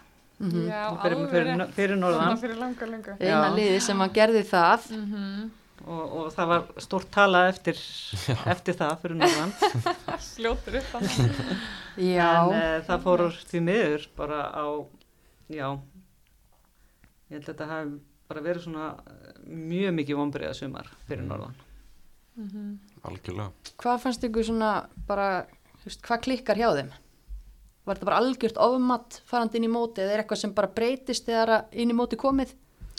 það liði kannski bara svona svolítið á byrjunar stíi einhvern veginn þetta er náttúrulega margar unga stelpur þarna og, og það eru með mjög efnilega stelpur fyrir norðan ég meina uh, yngri flokkandi hjá þeim er að vinna marga titla og svo leiðis en kannski hérna bjóst maður við meira frá eldri leikmannunum í liðinu líka þannig að mér fannst bara svona heldarbragur liðsins einhvern veginn aldrei vera on eða ég má segja það Má segja það, ég bóði orðin átturinnar. Það voru ekki Eh, von. Nei, það var svona varn, varnarleikurinn uh, í, í rauninni í tætlum í allt sumar, fannst mér þó að það hefði skánað eitthvað og svona einhvern veginn helda bragu liðsins ekki, ekki nóg góður mm voru ekki bara líka svolítið vandræð með að finna sitt kerfi einhvern veginn Jú, ég held það. Kannski frekar kerfi heldur en lið, eða þú Já. veist, ef við tölum það þannig. Það voru mikið að breyta í byrjunni, eh, voru, vildu verið tyrkjumanna vörn, eh, var ekki að ganga upp, mm voru samt að reyna það svolítið lengi uh, áður að þau fóru inn- yfir í fjaramanna. En þessar tilfæslur á taktík, geti það verið afleðing af því að vera með tvo aðalþjálfara? Þú veist, Já. haldið að það hafi verið málið? Ég held alltaf að það sé alltaf spurning um uh, þegar eru tveir aðalþjálfari, uh, að, aðalþjálfari, hvernig það ná saman Mhm. og ég, ég svona er ekki vissum að þeir hafi verið að klika mikið saman, þeir tveir. Nei, ólíka típur, eða? Já, ég held að. Ég Ég- þekki- á- þekki á þess að hverja ég hafi, Mhm. ekki. Nei. Mhm. á þess að ég hafi eitthvað fyrir mér í þeim, en þá fannst mér svona bara þetta vera alltaf einhvern veginn svolítið mikið mál, það mátti ekki tala um Jónsa einan, það þurfti að tala um Perri, eh, svona ímislegt skilurum við þannig að þetta var svona eins og þetta væri bara pínu strögglan á milli Svona tókst- Virkar þetta einhver tíma? þetta virkar aldrei Getið þið sagt þið eitthvað dæmið að svona? Erðu, Óskar Smári og Anita Lísa fjóta með fram upp úr annari dild það er kannski bara ég, ég, held að, ég held að þetta þurfa að vera alveg rosalega skýrt já, Já, en þú þarf þá líka kannski, ég veit ekki hvernig það var þú ert að velja þér þá manneskjuna sem þú vinnum með ég veit Já. reyndar Já, kannski svo er Já. það líka. gerðu, Mhm. Já. ég veit ekki hvort ég það held var að þeir þannig gerðu það ekki Nei. Nei. uh, Mér ég held finnst það ekki alltaf mjög skrítið þegar að klúpar er mitt taka bara einhverja tvo og, og para saman og bara gjössu vel. Gjörðu svo vel það meina gekk vel hjá Jónsa og Guðna með tindastól bara Já, til ég- dæmis, þú veist Jón, Jóns er topp þjálfari og, og Já. ég þekki ekki Perri en ég þekki Jónsa Nei, Mm. nei, um mitt. og hann er alveg topp þjálfari og Perri virkar líka bara mjög fýtt Eflaust. En- en, en hérna, mér hans bara einhvern veginn kemistriðan bæði leikmanna inn á vellinum og hjá þeim bara ekki vera að virka Nei, einmitt. en þá kemur kannski bara næsta hvað haldið að gerist í þjálfarmálum fyrir norðan vinna miða við þetta þá myndum maður halda að það eru kannski eitthvað breytingar Já, getum séð það ef að, ef að við erum ekki bara að bulla hérna mm Já, En hvað, þú veist, myndum við þá geta séð það að annar þeirra tæki við eða stiga í báða til liðar eða Er ekki Jónsi í starfi sem sagt hjá Þór sem íþjóttastjóri eða eitthvað svoleiðis? Eða það einhver- held ég Eitthvað svona bakvið tjöldin stöðu. Mm. Þannig að ef, ef annarkvörður er að fara að stíga frá þá held ég að verða ekki Jónsi sko. Nei, Nei, ég samla því. Mhm. einmitt. þetta geti, já, orðið áhugverð hvað haldið þið með hérna stort nafn eins og Söndru Maríu til dæmis Mm Hún er áfram samningsbundin þannig að hún verður áfram hjá Þór gáðan með eitthvað annað gerist. Uh, haldið hann langi ekki að reyna aftur fyrir sér í atvinnmennsku klálega. Jú, Mm. ég held það. Jó, ég held að. við erum En ekki það er með bara spurning hvenar tíma ömmett réttu tímapunktu fyrir hana bara Mhm. hún er komin náttúrulega með batn og mann þarna fyrir norðan og þannig að það er spurning hvað þau vilja gera Einhvað, maðurinn hennar er þjóðverja það ekki Jú, Jú. og hvað er barnið orðið gamalt? munið það Það er ekki bara Mm, eins eins árs árs eða eitthvað eitthvað. Já, svoleiðis. eitthvað svoleiðis. hún er lítil, já, Já, Alltaf sé ekki líka ennþá veist, að hugsa um landslið og sé með, með þannig drauma. pottjett Jú, jú, Jú, klálega, ég maður meina, fyrir það eru- það alveg á henni í sumar Mm og ég meina það getur verið, ja, við náttúrulega erum trúan því að við séum að fara á HM, þannig að ég ömmett, það er klálega held eitthvað að svona margir leikmenn vilji stefna þangað. Mm. ég Akkurat. myndi halda svona miða við bara hvernig viðskilnaður var við bæinn Lefinkusin til dæmis að, að hún ætti alltaf, það eru opna dyr þar áfram myndi maður halda, Algjörlega. án þess að ég viti Já, hvern, það hvaða heyrist fólk Já, er, er að starfa fyrir þann klúb núna og svona, þannig að Hún Já. hefur líka bara sínt að hún hefur gæðin til að spila á, á svona háu leveli Mhm. Mhm. Mhm. og ég held að hún hætti klálega að stefna þangað því hún getur alveg verið í landsóknum fyrir HM ef við komumst þangað Mhm. klálega, frólægt að sjá, Það er spennandi að sjá hvað hún gerir gerist fyrir norðan, það er allan að, já Heil- heyra að sigurreifum ungum leikmönnum sem að eru þar klárar að vera í kringum þetta liða næsta sumar yngri Já, flokkarnir búin að ra- mjög. Mhm. vera raðinn Já, velunum í, einmitt. í það er, sumar það er rosalega mikill efni við Já. þarna fyrir norðan Einmitt. og ef það er haldið rétt á þessu og, og, og haldið áfram að, að byggja upp og hérna þá, þá þurfum við ekki að kvíða neinu Nei, bara leggjast í góða grunnvinnu taktist yfir vetturinn held ég og Já. já. Og, já, Einmitt. nýta þetta vonbyrða tímabil til þess að Mm.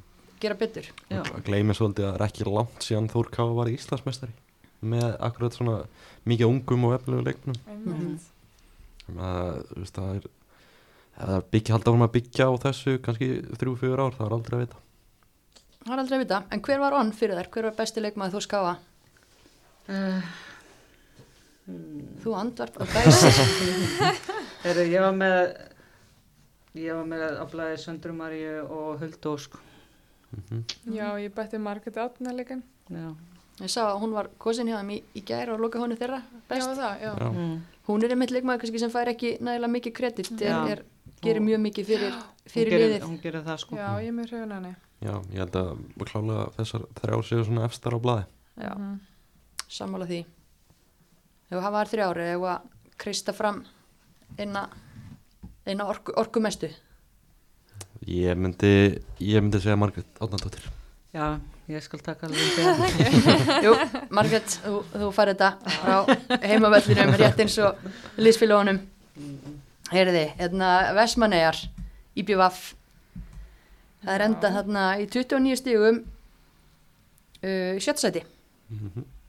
Svona bara áhugavert sumar í eigum Já, byrjuðu þvílík stert voru alveg Já, mistu Lengi aðeins bara damp- mjög dampinn ofarlega, eftir EM en ömmett Enda svo stert aftur enda svo Já. stert aftur Mér finnst þetta bara svolítið Það var bara svona fínt, fínt sumar eða? Já, auðvitað alltaf mikið af erlendum leikmönnum og, og allt það en, en, en hérna, mér finnst þetta alveg spennandi og mér finnst þetta klárlega eitthvað til að byggja á Já, mér er svona mm, svona einhvern veginn góð ára í kringum þetta hjá IBF núna uh, svona síðust ár finnst mér svona um, ekki hafa verið einhvern veginn góð ára yfir þessu Nei, það er alveg rétt, ég er sammála því þannig að hérna, mér varst Jonathan, Jonathan Glenn koma mjög stert inn í þetta með þeim uh, gera þetta vel kom alltaf ótrúlega vel fram líka mm og hérna sem mikið lánaði með hann bara já, og þú, þú veist, það er alveg margir spennandi leikmenn þannig líka algjörlega og, og náttúrulega búið að að, hérna, halda leikmann eins og Olgu og, og Viktoríu Hönnu Kalmæjar þarna í eitthvað tíma og, og mikilvægt held ég fyrir eiga fólk að halda þeim áfram Já, og svo líka eins og Heili Marí og, og hún hérna, Amira Hussein sem koma Já. gríðasterkar inn að- Já. að eða halda þeim líka Mhm. ég, binda það niður hann líka já, ég myndi, Algjörlega. ég myndi binda þær niður líka þá áttu komið smá stöðuleika líka fyrir næsta ár og svona Heili tók bara fyrirlabandi það var mjög áhugavert Já. einmitt. já, hún, þannig að hún hlýtur að vera mjög sterkur karakter Greinilega alveg Mhm. karakter hérna já, já, hún tekur það bara strax eða Já. þegar hún mætir já, bara Merkilegt. sýnir hvað hann er mikill karakter og, og leitói gerðanlega eins og, eins og þessi já, og það er líka, þú veist nefnir, það er ekki nóg að fá erlendu leikmennar sem að, hérna er góður í fótbolta það er þessi haus líka og við höfum líka séð það bara frá típu eins og hennu Kalma er að hún er greinlega líka tip-top típa, þú veist, Já. innan valla sem utan einmitt hún hlýtur að vera mikil, vil- mikil vilji hjá þeim að- að halda þeim áfram við efnið algjörlega, svo er rosa gaman að sjá Kristín Örnum mæta, Mhm. mæta aftur heim og, já, ég er sammála því og bara hún var bara eiginlega- mjög góð já, í sumar það er Bara- bara langt sem maður hefur séð hana svona já Spraka. virkilega on Hún, hún náttúrulega átti, átti mjög gott tímabili lengi deildinni fyrra. já, og einmitt svo bara byggði Gaman hún að hún sé að virkilega fylgja ofan á því það eftir aftur núna, já. já. því að það var búin, það var, hún var búin að vera nokkur ár svona í, í, í hérna smá læg algjörlega, þannig að það er rosa stert fyrir þær að fá hana aftur -hmm. og svo Líka líka að náttúrulega hjarta. bara Þórildi og Júlíönu Já, þarna með nákvæmlega. Mhm. þú veist, Já. reynsla og, og Júlíana fær náttúrulega ekki nóg mikið umtal, hún Nei. gefur þessi liði líka heilan helling, hún gerir það sko Einmitt. skoraði vinnirinn í, í sætasta sigri suma sem sjá þeim á móti blikum Heri, já, Það, var, Já. það var flott marka já, Einmitt. já. þannig að já, eða, þú veist, er maður ekki bara ég veit ekki, þú veist, sjötta sæti hljómar ekkit eitthvað brjálæslega vel á pappir en þetta er náttúrulega greiðlega þéttu pakki haldið að eða fólk sé eitthvað að velta fyrir sér sæti versus bara svona framistöðu og hildar holningu einhvern veginn kannski svona horfum á, á stegatöfluna þess þá er, er hann að fjögur næstu liðin það eru svolítið í flokki út af fyrir sig og svo kemur IPVF fyrir ofan þannig að svolítið langt Já. þarna milli einmitt það þannig eru bara fjögur stík sko úr þriðja og niður í sjötta já. að- þannig að það er, kannski, það er ekki droslega langt kannski þannig upp í efstu, efstu þrjú sko, efstu tvö Einmitt. ef það ná að halda sem leikmennum sem var að spila í sumar þú veist, leikmennum sem Olgu og Amíru og Kristin Ernu þá er þetta alveg, alveg bara virkilega skemmtilegt lið og lið sem getur náð góðum árni það verður eitthvað blóðu barátt þarna næsta tíumbila því að sko eigakunur ætla klárlega að fara í efri hlutan Þór Káa ætla klárlega í efri hlutan ef að Keflavík ætlar að fara að taka skrefið þá ætla þær ég ætla við hann að fara fyrir miðjadeild Mhm. svo eigum við topp 5 liðin eftir þannig Mm. að Einmitt. Já, Það er ekki pláss bara fyrir verið alla. spennand að sjá Nei, samt. akkurat. einhverju náði, aðrir ekki það er ekki hann eða en hver var að, Já, það hefur kannski bara verið svona vandræðin hjá IBF síðust árin að þú veist, halda leikmennum, vera með sama lið og ef það ná að gera það þá er, þetta, er það alveg þá er alveg hægt að gera eitthvað fyrir næst tímpil en ég held að það sé mjög mikillt fyrir að hafa sama þjálfara líka áfram Mhm, klálega, Þessi algjör lykill. klárlega. mm, virki, já bara Jonathan Glenn virkilega spendið þjálfur Já, og vonandi bara verður hann áfram að sigla þessari skutu ég hef ekki hýrt annað en að sé almenn ánægja og Mm. Já, ég ég- veist hann í flottir í vegferð ég trúi bara ekki öðru bara eins og sagðir líka áður Guðurinn kemur virkilega vel fram í viðtölum og, og svoleiðis Mhm.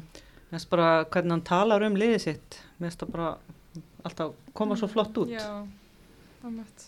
það er ekki stælar í John Nei, nei, og hann, seg, hann segir samt líka alveg, þú veist, þegar þeir eru, þú veist, eh, lélegar og allt já, svoleiðis. já, algjörlega en bara hvernig hann segir það einhvern veginn og, og svona, bara einhvern veginn svo einlægur. einmitt, Mm, Akkurat, algjörlega, nú þarf hann bara að ringi Sisi og segja hann að koma já, þetta þessu rugli í hallarfólk bara baráttan um, um Sísi Láru það er- það er eitt af næstu Það er því leifbílasögum rosalega góð viðbót við liðið. það er ansi stert Já. sjáum til ef fá einhver ekki til í að sleppa sínum besta leikmanni besta Nei. leikmanni lengdildarinnar í sumar Nei. hún elskar bara FH líka svo mikið sko. það er erfitt að reyna samfarn og koma aftur Já. heim til Vestmanna Já, já, sjáum hvað Jonathan sjáum hvað gerist getur, getur svolítinni en hver var hann fyrir eh, IBF? Mm, Olga Sekova? já, Olga Sefkava Já, Olga. ég setti Kristín Ernu og Olgu Já. Mhm. maður kannski líka þannig að Amíru Já, hún var geggið Ameri og Kristín Erna. Já. Já. Þessi voru fyrir orðblæði. það voru, voru frábærar og, en Olga náttúrulega bara þú veist, hún er ótrúleg, hvernig hún bara getur klárað jafna leiki og já, allir usla hvert sem hún fer Já, og til dæmis ef Valur fengi tækifæri til að, að samja við hana núna þá myndi þau klálega að gera það. ég held það henda Þórdís í renn út í liðinu Nei, hún fyrir bara hinn kantinn held ég já, já, ok, það er alveg nóplás og bæknum líka já, en Olga Það er vantar í frábær og já, hvað okkur ekki, bara að stæka letneska landslískonan hvað Já, hérna, hún er alveg ógeðslega góð í fókbalta Já, ég er sammála Mhm. því. Já, mjög gaman henni. hún er 30, hún var að taka hvað þriðja tímabili sitt með Mm. IBVF líður greinilega vel hann í Vestmanni Já, Li- það vel að hún sé hérna ætla eða fjórum árum af æfisinni á eiginni grænu, föru grænu alveg gott að vera í Vestmanni sko. Akkur minnum mig svona, hún hafi verið að semja um daginn, er ég að... já hún var að semja um daginn, það er alveg horrið hún var að gera nýja samning um daginn þannig að hún verður áfram hún verður áfram Já, það ekki? Já. Jú, bara, Já. ég held að sé alveg 100% Jú, jú, það er rétt. Já, alveg hár ég- rétt Það er eitthvað stæða svona... eh, þannig að vera að gera langan Ég samning tóknaði aðeins á heila þarna en þetta er bara alveg hár rétt Var að tala um þetta En hvað, langan, heldur það? var ekki 2025 eða eitthvað ég, Já, það er alveg mjög gott fyrir íbjöða. Það er náttúrulega bara líkil Einmitt. nei, ég finn, ekki, finn þetta ekki alveg Nei, nei, jú, framlengi til 2025 Ok. þannig að hún, Já, svo henni líður greinilega mjög vel í Vestmanni Já, vel gert í Þá er það, þá er það leist, já, vel gert í BVF Olga getur verið áfram on næsta Mhm. sumar Herði, en Selfoss þá voru breytingar á Selfossi fyrir tímumbilið Bjössi og Bára taka við Bjössi og Kristjánstad Bára maður Kristjánstad fjölskyldan hérna kemur sér fyrir á Selfossi mm þá náttúrulega Sif Alladóttur og fá Tiffany í markið mér endur nýll Við erum til nýld frá Kristjánstad það eru sænsku áhrifin Mhm. uh, hann spilaði góðan varnabolta í allt sumar uh, duttur svo í gang og fór að vinna og klára leiki svona undir, undir rest mm. enda móti á góður önni Það kom svona tímabil fyrir EM og eftir EM þar sem það náði bara ekki að skora mark. nei, Það voru ansi langur tími. það eru, samt, það eru mjög jákvæð teikna lofti myndi ég Já. segja Já, á Selfossi. Ég er Algjörlega. alveg sammála því.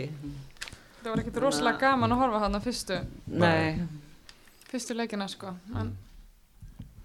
En En við reistum nei, að sé- finna svona rétta. já, síðustu tvo leikina, Já. þá, þá fannst mér svona Og sér að bragur, sóknarleikunum vera aðeins. bragur þeirra, Björns Já. og Báru er svona komin almenna á liðið. og- Já, þetta er svona að koma og auðvitað er bara eðlilegt að það tæki tíma. Já, Mhm. algjörlega. Mér finnst- Og, Já, mér finnst það samt að það eru að spila alveg þó það það eru ekki að skora rosalega mikið það eru að spila alveg skemmtlan fótbolta og mikið Mhm. svona hugur ekki í liðinu hjá þeim sko. já, já, haldabolta vel Já, eh, og, og þetta er, þú veist, þú sérð skipulagið og, og, og þú veist að- Sænska skipulagið. Já, og það er svona ymislegt í gangi og, og það sést alveg eh, þeirra bragur á liðinu Mhm. þannig að, hérna, Já, En, já, eh, það verður spennandi hvernig þetta verður á næsta ári með þetta. já, ég held að, ég held að þú veist, ef að bæta við svona svolítið skapandi leikmann á miðjuna hjá sér, Mhm. mm -hmm. svona fram á við Mhm. Sif verður áfram í liðinu Já, hún ætlar ekki Já. að hætta alveg strax Nei, nei, nei. Nei, nei, hún og enda á hún Barbara á reyndar að eftir spilaði líka ekki droslega mikið í sumar, eða allavega ekki mikið setnipartin Nei, akkurat, það er hann að hún kom inni. undir í tveimur síðustu Mm. leikjunum Mhm. Einmitt. Mhm. Það er næ- nóg nóg af hérna svona mannskaparna og Mm. bara spurningi mitt, þú veist, hvað gerir Brenna Mhm. Brenna náttúrulega byrjar þetta mót mjög vel en virðist einhvern veginn spila allt móti bara ekki alveg heil Mm. Nei, einmitt. og hérna Miranda Nild eh, átti svona rispur, átti kannski ekki alveg stöðugt heilt gott Nei, sumar nei, hún en, var svona upp og niður en það er samt held ég alveg leikmaður sem að ef þau halda henni bara áfram væri bara mjög stert og, og kemur betur út jafnvel næsta sumar Ég fannst hún alveg sína mér í síðust tveimur leikjunum Mhm. á móti blikum og val uh, mun meira Mhm. og þá svona sá ég já, það er alveg mikið verið í þessa stelpu Já, þannig að hérna já, vonandi halda þær henni bara líka áhvert að, að skoða það eru það lið í deildinu sem heldur boltanum næst mest af öllum liðunum sem sagt. Já, þannig að ef það er kannski bæta við skapaði miðmanni og kannski öðrum leikmann sem getur skorað kannski 7-8 mörg Mhm. þá er ka- möguleginni góðir Já. og fara vor já Mhm. Klála. Klart, hvað hérna hver fannst okkur best hjá þeim í sumar? Hver var hann? mm, Mér að sif alla Já, Sif Já, það sést náttúrulega bara á henni og hún er klassa leikmaður. Hún Gefur liðin líka bara svo Hún sér það. rosalega mikið Já. Mhm. svo ótrúlega mikið leitói Einmitt. Tökur all, all, alla mínútur í Já. deild Já, Á- Áslaugur var líka góð já unnudóra líka Mhm. Berg- Bergrós. já, nefnilega, hún var Mm. mjög Já, góð hún er flott. Það er nefnilega svolítið gaman sko því að mikið talaði um ellenduleikmennina og Sif sem er í þess að nafn en, en þessar stelpur Áslaug, Bergrós og Unnudóra mm. fá ekkit mesta umtalið en þetta eru heimastelpur sem að voru í risa hlutverkum og og voru allar frábærar fannst mér. Mhm. Já, ég er sammála, mér finnst það mjög góðar í sumar. og þær verða enda betri á næsta tímbili ef að mm -hmm. ekkert kemur upp á Já, og ef að Selfoss eins og mörg önnu bæti svona aðeins meir ofan á. það er alltaf þetta En Selfoss endar í 5. sæti uh, með jafnmörgstig og IBVF Mhm. þau ætla klárlega að horfa upp í hennan þetta pakka Ég meina, á þessu mannskap sem er núna geta þær farið ofar bara með auka ára af, af bjösa á báru og betri drilli og heitli barbáru og heitli brennu kannski Nei, ekki, ekki mínu viti. Ég held að, ég, eins og sagður á þann, þá held ég að þurfa að bæta við skapið með Já, manni. ég, ég er alveg Þessi föst, Já, Lykilatriði. allan Föst á til að því. komast í einhverja Europasætis Mhm. Já. keppni sko ég er alveg föst á því, já. fjölbreyttari sóknarleik já. Alright Heyri það, Selfoss Heyri þið, þá er að lögadalurinn uh, Þróttarar voru lengi vel í bara hreinlega meistaradeildar sjans og svona þess að Hallindan fæti uh, tímabili hann undir lokin en, en það ná að enda mótið á á hérna góðum nótum farið 31 stig sem er já þeirra stiga met eins og við komum inn á áðan hvað hérna hvernig fannst okkur þróttaralið í sumar? Þær voru bara fínar en mér fannst þær algjörlega klúðra þessu bara sjálfar að ég held kannski fyrir svona mánuð síðan að þær þá fekk ég svona tilfinningu fyrir að þær myndi taka þetta meistaröldsæti, annars sæti og svo bara klúðra þessu bara með leikumandi keflaugjarn og heima allir, hérna bara algjörð klöfaskapur og já, bara klúðra þessu sjálfar að ég, mér fannst annars sæti að vera möguleiki fyrir þær Já, já, tapaði Já. mitt bæði fyrir Keflavík og Þór Káa Já, nokkala Já, já, ég er að sammála því það, og mér varst uh, uh, svona allavega tímabili bara strax eftir að kalla og hérna álfa meðast mm. þá kemur svona smá niður á við já, tímabili hjá þeim það eru búin að nefnilega byrja rosalega vel eftir þeim svo koma þessi meðslinn einhvern veginn og þá svona aðeins fór þetta niður á við aftur en svo náðu þær þessu örlítið upp í lokin aftur svekkjandi, þú veist, að fara án senderina sína inn í móti svo þegar þær eru klárar eftir EM þá detta miðmenninir út Já, þannig að já. einmitt kannski svekk Ég- þau vart ekki með stærri hóp en þetta Já. maður hefði viljað sjá þrótt ef að, hvernig ef það hefði verið með allan mannskapin eh, allan Einmitt. tíman sko. Mér skilst að Nikka hann ætla að vera áfram Mhm. og ég vona að þróttar að sé að leggja allt í að hafa ettu þarna með honum og Jamie Brassington hefur myndað flott teimi Já. Algjör, algjörlega sammála því uh, bara algjörð líkilega til að halda nikka áfram já Í þessu og, verkefni. og ég held að þetta svo vegi svona svolítið upp á móti bara mm og, og komum með gott hann inn líka mikið reynsla já mikil reynsla þar og, og hérna þau greinlega þú veist mér fannst uh, þróttu spila mjög skemmtilegan fótbolta uh, svona skemmtilegan sóknarleik mm það var svona maður sá alveg svona munstur svona skemmtilegt munstur og, og sérstaklega þegar kalla kalla var inn á miðinni já, Já, og mjög skapandi hún er kannski svona þessi leikma sem selfóstar í sitt já, hún er ekki til sjölu nákvæmlega Það er ekki sens að hann fari, Nei. ekki fræðilegu sko. Nei, Það er- allir það Eh, það, hann er bara ótrúlega hún hefur ótrúlega gott auga Mhm. þessi stelpa Kornung. þrátt fyrir að vera svona kórnum að að samt hérna einhvern veginn já, já, og, og svo svo þegar Olafa komið fram líka þú veist, þá náðu það líka mjög vel saman mm Báðar úr sko. Valsakademín já, Já, blómstra lögadalum en uh, nei, það verður bara haldið að, að leikmenn verði allar áfram ég held já, að ég er nú ekki þróttur búin að öðru. byggi bara ofan á þetta og, og hérna ef það ná að hal- eins og ég segi með alla ef það ná að halda, halda þessu halda þessum hóp áfram uh, mér fannst hann gera virkilega vel síðast, þau gera virkilega vel síðast að vetu meðan fá fleiri íslenska leikmenninn Mhm. og hérna Mm. Það þannig breytti að það svona komi aðeins. eh, breytti svona aðeins dýnamikinu og komi svona já, sterkari ísl, eh, Já, kjarninn. kjarni af, af Algjörlega. Íslandingum Algjörlega. og hérna og ég held að þau bæti bara ennþá meira við Já. og ég held að hljóta vera bara stefna hjá þrótti að emitt fara í Evropasæti næsta ári. Algjörlega, það á horfa bara, upp á við það á bara að vera þannig Maður- Það- Mér finnst þetta orðið svona stöðleiki, það var flott tímanbili fyrra, já, uh, be betra í ár einmitt og, og þú veist það vanti lítið upp á stökkið. Mhm. Mhm. Hver var onn fyrir þrótt? Hvaða leikmann myndið taka út? Íris Dögg í markinu var mjög góð Já, hún var mjög góð. Ég held að örglega eitt hennar besta tímanbili. mm Eh, Uh, Kalla tryggum meðan hún var hérna, Mm já, Daniel var svona góð á köflum mm -hmm. Svo ég er með eitt nafn sem ég veit ekki, það er Sæm, Jóhann Sæm Björns líka. Já Þekkir Ok, hann á ég, ég, rökkunum ég, ég er ekki hlutlust þar. Nei, nei, Nei. já, algjörlega. Hún, eh, En hún hún kom, komst til- stertinn stertin í þetta lið. Já, þegar álfa dettur út þá, þá stígur sæjun upp Já. og það er alveg horrið en ég held ég sé á Írisar Já, vagninum já, hún, Íris, Íris var besti eins og leikmann. þú segir að mitt örglega sitt besta tímbil og Já, fær hérna verðluna, laumast með á EM og já, alls konar byrjaði mótið á því að reka gæs út úr hérna einu vítateg og, og endar á VM í Hollandi er hann já, ekki bara búin að festa skora sig mark í deldinni líka. já, hann skoraði Takk líka. fyrir. já, er hann ekki bara búin að festa sig líka bara í landsóknum bara komið sterk þar inn ég held að Jú, ég menn ég hef ekki Jú. hýrt annað en að hún sé standa sér vel og sé ánæg með hana hún er náttúrulega frábær karakter og Já, í hóp mikill og gefur leiðtogi. mikið af sér þannig já. að, að já, hún, hún er náttúrulega ekki búin að spila það frá sér Nei. Það er alveg á hreinu. Ha, þannig að það Nei, er bara alltaf að vera bara spennandi að sjá og, og hérna bara virkilega gaman að sjá hana Mm.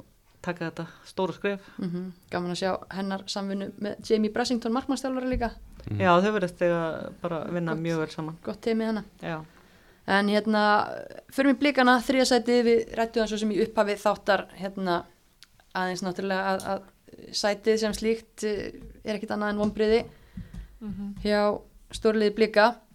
Mm, Sveiflukent, mikið rót og já, eh, liðið er ekki með stöðuleikan sem að liðin tvö fyrir ofan fundu í sumar.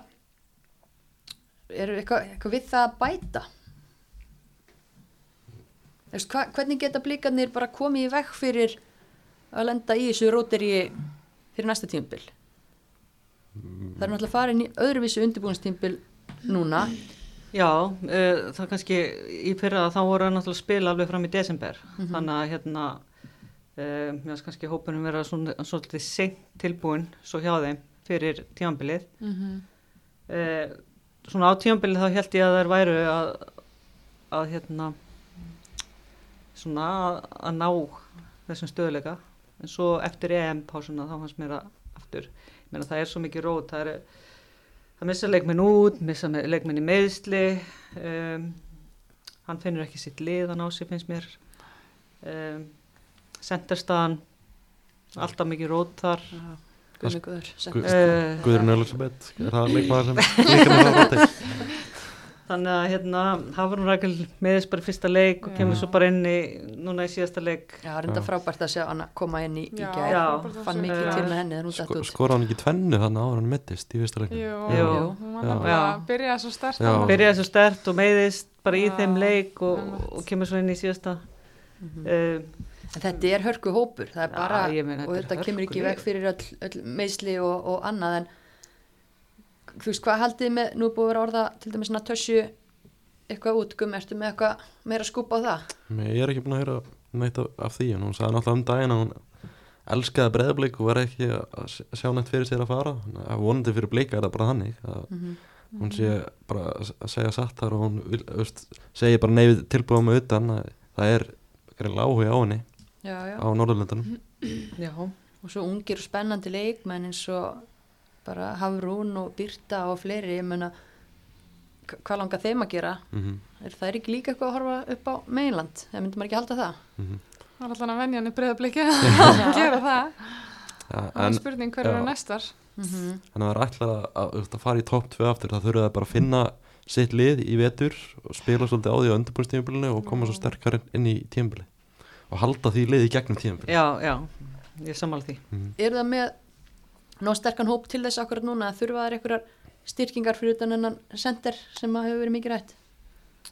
það er svona aglamarja er á leið aftur út örgulega, þannig að það þurfa Já, Fá- það er líklegt. þú veist, leikmenn í he- hennar stað Anna, Patrik, Anna Petrik er farin aftur út til Úkrænu uh, Hún reyndist nú ansi vel í öllu þessu róti því hún gætt spila Bakur, Bara miðju, alla pakka. Sæmmer, sender, listi hvað sem er. já, neymit. já, Ekki, ef það er að sækja þú veist, útlendinga þá þurfa kannski að finna réttu leikmenn eins og Melina Ægers sem bara spyrir með öðrum flokki Ég menn, þetta er, eh, ég náttúrulega horfið nánast á alla leiki í öðrum flokki í sumar hjá þeim Já. á stöði og ég, já, ég held ég hafi síðan að meira að spila það náttúrulega heldur en í Já, bestu já, ég meina hún dellinni. var bara algjört flopp, það er Já. bara sem það er, en akkur er henni ekki sendt heim, er það ekki? Ég, ég, ég, mér skildist að það hefði ekki verið hægt. já, ok, bara eitthvað í samningnum þá Já, eitthvað svo leiðis. já, já, einmitt En það er Þannig kannski að ef það það er hvort er að borga stórfurðulegt, leikmanni út Já, samningstjömbili, já, þetta bara nýta hafa hana nýja í- öðrum flokki Mhm. einmitt. örlög. Mm. En og maður hjálpa hann ekki veltir öðrum sér flokki að vera okkur- byggamestari eða eitthvað svoleið Já, já, já. Skoraði Skoraði þrennu. þrennu, Hún já, skoraði já. þrenni, held ég, í Einmitt. byggarúslítalegnum. var ekki, einmitt, var ekki alveg það sem ég byggust við kannski Nei. en svo finnst mér eins og þau voru þarna með Alexandru og Hildi á eða Hildur spilaðan og reynda mikið frammi Já, og alls striker. konar eins og, og kantinum líka, Mm. við skulum ekki gleyma því mikið kantmaður, Mikil ég meina kantmaður. einmitt svo er það að missa þessa tvo sterku Já. posta Mhm. bæði Alexandra kom að lánu og hjálpa Mm. þeim og ég meina eftir EM-pásinu, hvað, þú veist, hvað, hvert var planið? Mhm. svo áslumundar líka bara með í einhvernum Já, Mm. tveimur, já. þremur vissu að leikjum hún var að eftir. fara Já. út líka, Mér- þú mér fannst þarna einmitt- bara, Ekki verið gert ráð, eða þú veist, já, en ég meina, já, þetta er svona, mér var eru skrítið stórir að Mm. skildi, póstar. já, mér var skrítið að skildi ekki hafa sem sagt, styrt sér meir já, fyrir setni hlutan.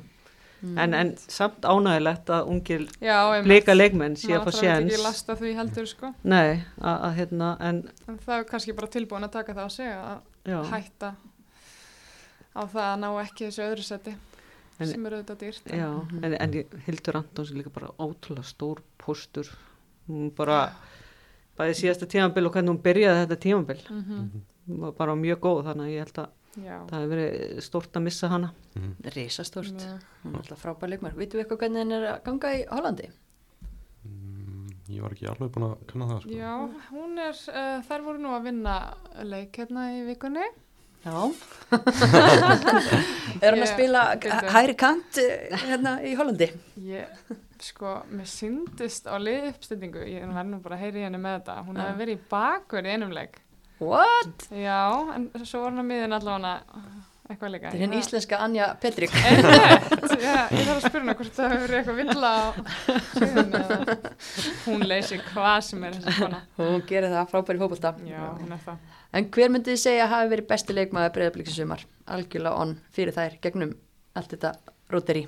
þessi þeirra markaðasti leikmaður Karitas Tómasdóttir Já, ég Sex mörk. sammála. Er hún Já. markað? Já, hún markaðist. Hún er kannski átt að fara fram bara. já hún klúðraði samt einu rosalegu færið hann um daginn um afturhendingu Herru, já, Já, vá. já, já, vá. Já, vá.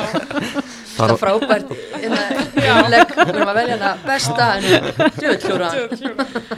En mörkin sem hún Já. skorar Já. eru, Við erum búin mörkin að sem hún vera- skorar eru mjög glæsileg. Frábært marki gær, á móti- bara stökkrafturinn bara einhvern Já. veginn. Já, Já, hún er bara algjörst vinnudýr og mótor hann að hérna. hún Mm. er svo góð í hlaupuminni teig, Mhm. í svona setni bylgjum hlaupuminni teig, uh, fáan og skallan í neti. Búin að læra allt frá dænju. Já, Dani og Aleksandru Það er Já, áhrifin. ég hugsa það. svo Natasja líka hún Já. er að fá svona smá sjátt Já, algjörlega. Hún er alltaf alltaf sterk. Já, og svo átti Byrta svona Mhm. góða Já, spretti. góður rispur, algjörlega. Mjög spennandi leikmaður. Mhm. Klárt, það er af næg að taka og bara ég lagt til að sjá hvað blíkandi gera. Haldið að ásið verða áfram í liðið? það er nefnilega Mér finnst það spurning, það sko. er stór spenning sko því Já, blíkana voru lendir 300 lifir að 300 lundir í gær menna þá var maður farin að fá skilabóð á sig átta Hver var að senda þér það voru skilabóð? alls, það voru alls konar Blíkar eða? nei það var bara svona fólk út í bæ sko sem var bara svona að spá í þessu Ok. bara hljótaður ekki að láta ás að fara eftir þetta en svo velti maður fyrir sér að því, þú veist, þetta var náttúrulega bara erfitt erfitt sumar sko Já, já, hann, þú veist, kannski lendir í svona ýmsu og kannski, kannski erfitt að dæma hann Mhm. af öllu þessu sem að var í sumar en, en samt sem áður maður gerir bara svolítið kröfur á að breyðablík sé ofar og eh, Stöðura.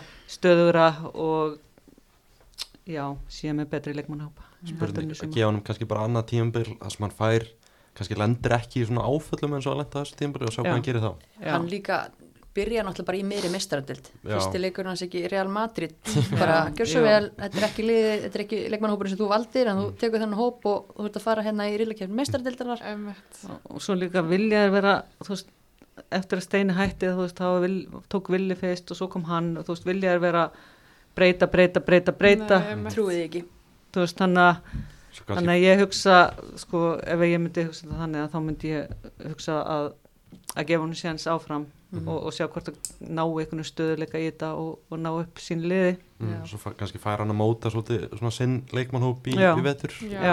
einmitt, Og það var l- erfiður vetur lengri taka tíma. við í fyrra. þú veist, Fær þær heilt- voru náttúrulega Já. reyðlakefni fram í desember fær heilt undirbúinnstímpil já, hann líkil en eh, já, sá sem að skákaðan um Kristján Guðmundsson, hann fór með stjórnina upp í annað sæti meistaratildar sæti minna, það er ekki að tala um neitt annað en bara frábæran árangur hjá stjórnin í sumar fárunlega vel gert og svo ég sagði á hann búin að vera svolítið svona rýbildi og eru núna bara komnar upp í annarsetti og eh, hljóta að vilja gera allu að þeim stóra á næsta tímbili mm -hmm. tapa Bætt- tömuleikjum meira en, en valur 60 um eftir þeim já. bættu varnarleikin talsvist mikið frá því í fyrra Mhm. og svo spiluðu bara virkilega skemmtilegan fótbolta fannst mér Já, einmitt eins og þú segir það var rosa gaman að fylgjast með þeim í fyrra en það var líka eiginlega alltaf einhverja markasúpur og pingpong þannig að það er einhvern veginn allt annar bragur og Já. varnarleiknum hjá þeim núna sem er Já. bara frábært það er náttúrulega enda síðasta tífumbil í mínus fjórum í markatölu, það er Já. skora 23 en fá á sig 27 nú skora þær 45 og fá á sig 16 já, Vá. sér munin sko. svakaleg bæting, þær Já. skora næstu í helmingi meira einmitt, bæta sér bæði í vörn og svo Já, bara nánast um helming, báða megin akkurat Þannig að þetta er, þetta er svakalegt bara líka eh, töpu ekki leiki setnum umferð eftir EM eftir EM, já. Vá. eða eftir EM, já það er, mistu það nokkuð einhverja úr hópnum sínum á EM voru ekki bara allar í hópnum og fengur svolítið að þú veist, vinna saman og slípa sér saman Jú, Fóruð til fóru Barcelona? einmitt, Mhm. fóru í æfingarferð Já. og það bara hafa greinlega nýtt pásuna mjög vel Já, bara vir, virkilega þú veist, rútínar lið bara all- allir þekkja sín hlutverk Já. og svona málfyrir erðnaðan í miðurinnum og einmitt, mm geggja sko Já, Og ég, nú- hu- ég hugsaði mitt svolítið í fyrirumferð að, að þú veist, breðablík tekur það nokkuð öruglega í, í leikann í fyrirumferð og svo tapaði líka fyrir val ég var alveg, ah, ok, það eru ekki alveg komnar, já, einmitt komnar þetta langt en svo bara í set, núna, setni partin, það var bara uh, komið það gera það og er að fara einmitt aftur í meistardeldina uh, en nú er spurningin, ég meina Kristján Guðmundsson er búin að vera með þetta lið núna í nokkur ár og hann er búin að vera að búa til þennan hóp og það er þessi hópur sem uppsker og það er feedbackur líka fyrir utan þessar 11-12 sem eru búin að spila langmest hjá hann hvernig styrkir hann hópin án þess að einhvern veginn að raska jafnvæginu í honum, þú veist, á hann að fara bara með sama hóp í næsta verkefni vitandi af meistarildar álægi og, og annað eða þarf hann að sækja pústa og þá hvar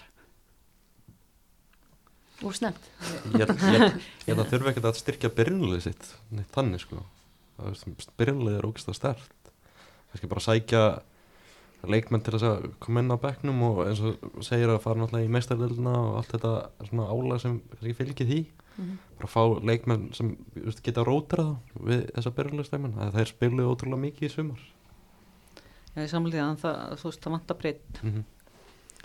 náttúrulega fá náttúrulega aninn dýr núna Já, yeah, setni vá, hlutan vá. það var bara eins svo og innkoma, það var bara eins og nýr Já, leikmaður einmitt, frábært að sjá hana mm -hmm. voru nú einhverju stelpur um þetta að láni, Snædís líka já, Snædís voru að láni Alma er á bekknum og það eru ungi leikmenn þetta sem ég held líka bara Eh, Rakel Lóa með fór á einn lán vetur í hjá, viðbót. til HK Háká, já. og, og einhver önnur líka til Einmitt. HK Eitt vetur í viðbót fyrir þessar ungu stelpur þá Já. Mm.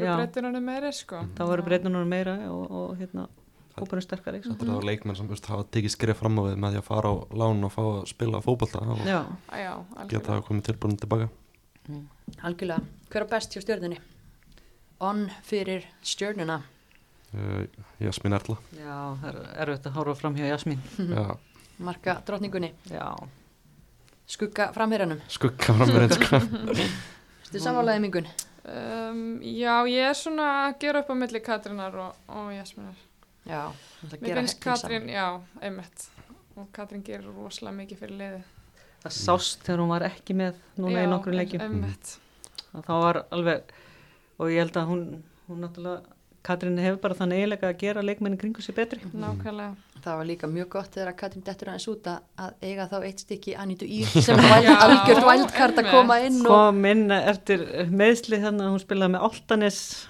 í annara Já. dildinni í, í hérna fyrirpartin Það er rétt. með svo gott kommenti þannig í síðasta þætti að Óskar Smára Anda voru að tala um að voru bara í kvíðakasti að þurfa að mæta henni. Í annað þetta Segir við það ég meina Já, Sáuðu þið annað markið í gær? Já, vá, Mhm.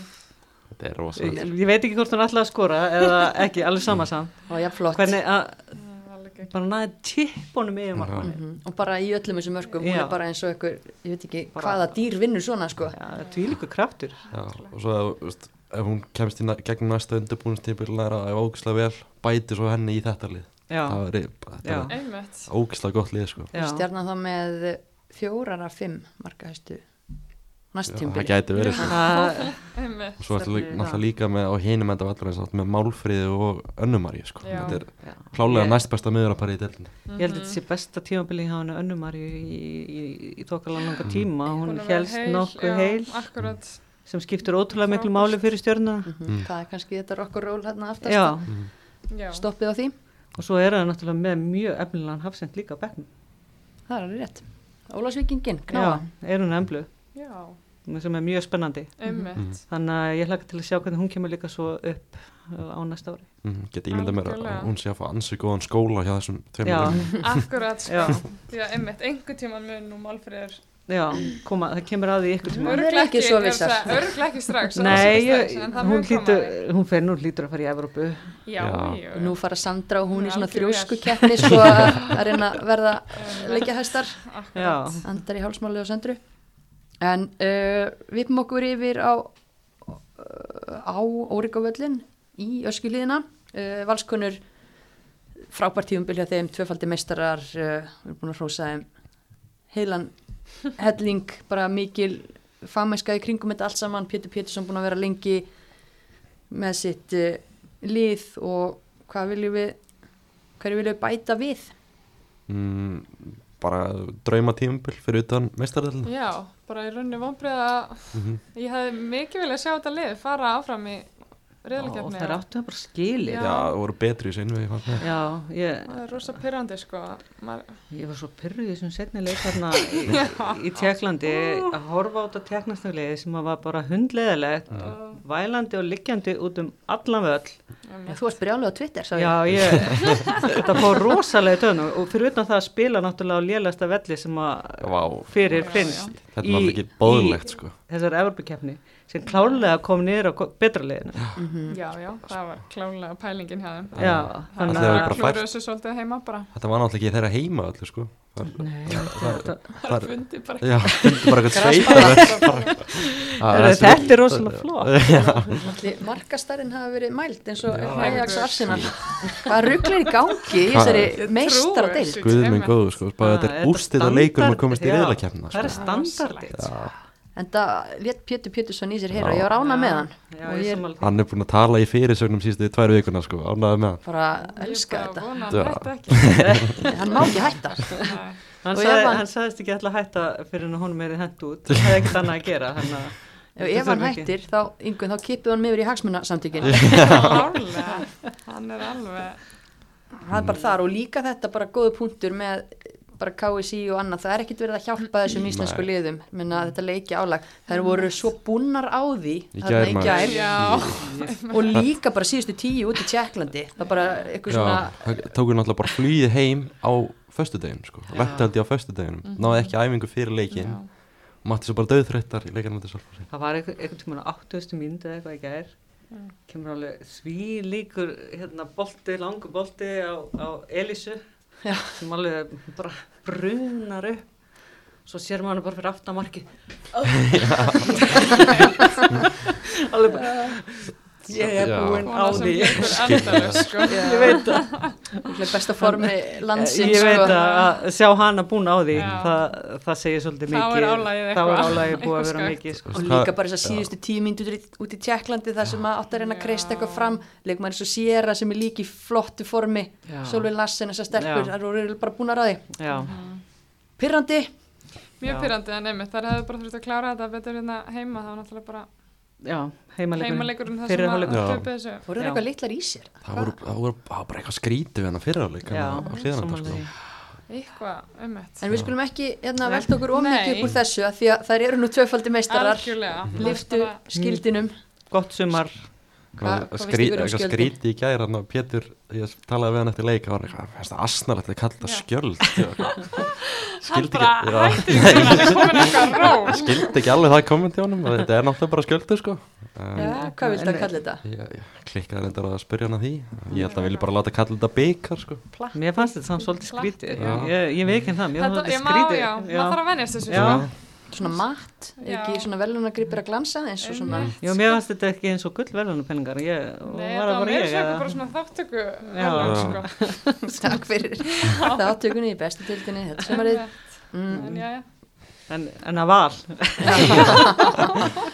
en bara léttir fyrir það er að komast í smá pásu já, eflaust ég held að það taki gott frí sko núna Já.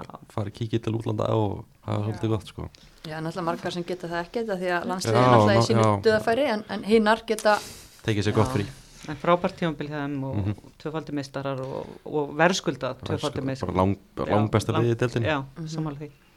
hvað hérna aðeins með framhaldi sko af því að nú vitum við að hérna Áskjöru Stefania hún er hætt Mhm. og við kannski koma aðeins aftur að henni og eftir að því að það er af nóg að taka þegar að rættir um, um þá mögnuðu konu mist Edvarsdóttir líklega búin að slíta krossbandi í fjórða skipti mögulega hætt Vi, vill samt ekki útloka það að snúa aftur en eh, fannst svo gaman að þessu tímbili geggja tímbili á hann náttúrulega og akkurat en hún verður þá ekki með á næsta tímubili allavega hana og allavega frá í einhverja nýju tólf mánu held ég að sé svona tímaramenn á þessu Já, og svo verðum við að tala um það að leikmaður eins og ég meina, það eru leikmennan sem getur farið í atvinnumennsku leikmenn með reynslu, hvað gerist fyrir valsliði þegar að svona reynslu boltar kveðja þetta verður náttúrulega svona smá svona umbreytingar ferðleikunni en svo er náttúrulega Sierra líka hún er að fara held ég Er það? Hún verður ekki áfram. Nei, ég held hún að það er allavega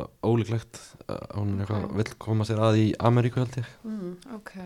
þannig að það er alls konar það gæti orðið alls konar breytingar ég hef heyrt svona eitthvað svona skrítin upp sem getur líka farið skrítinu Já, svona leikmenn sem maður hefði búist við að verða áfram það getur svona verið að leið út atvinnumennsku það, Já, ok, hvað er með það? Hvað? Uh, til dæmis eins og Lára Kristín, ég er að hún getur verið að reyna út Þórdís Rönn uh, svo náttúrulega þú veist, Eli- Mm. Elísa? Elísa, nei ég held að Elísa sé ekki að fara Anna Rakel.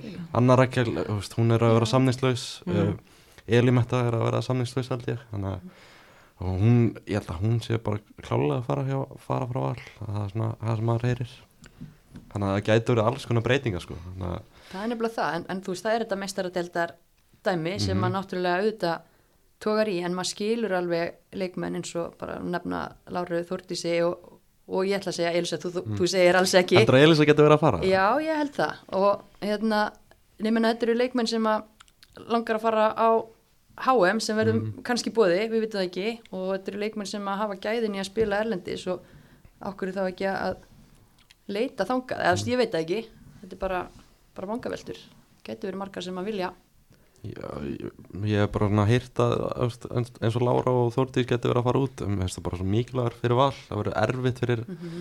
svona val að fylla þeirra skarð sko. bara mjög erfitt Já. þannig að, að, það er erfiðleiki vandragangurinn Já. við velgengnina að- Já, að- svo mist og, eins og mist og Adda Mhm. líka. Mhm. Stóri póstar. Algjörlega Stóru langar leið- Örnu sig að fara aftur eitthvað.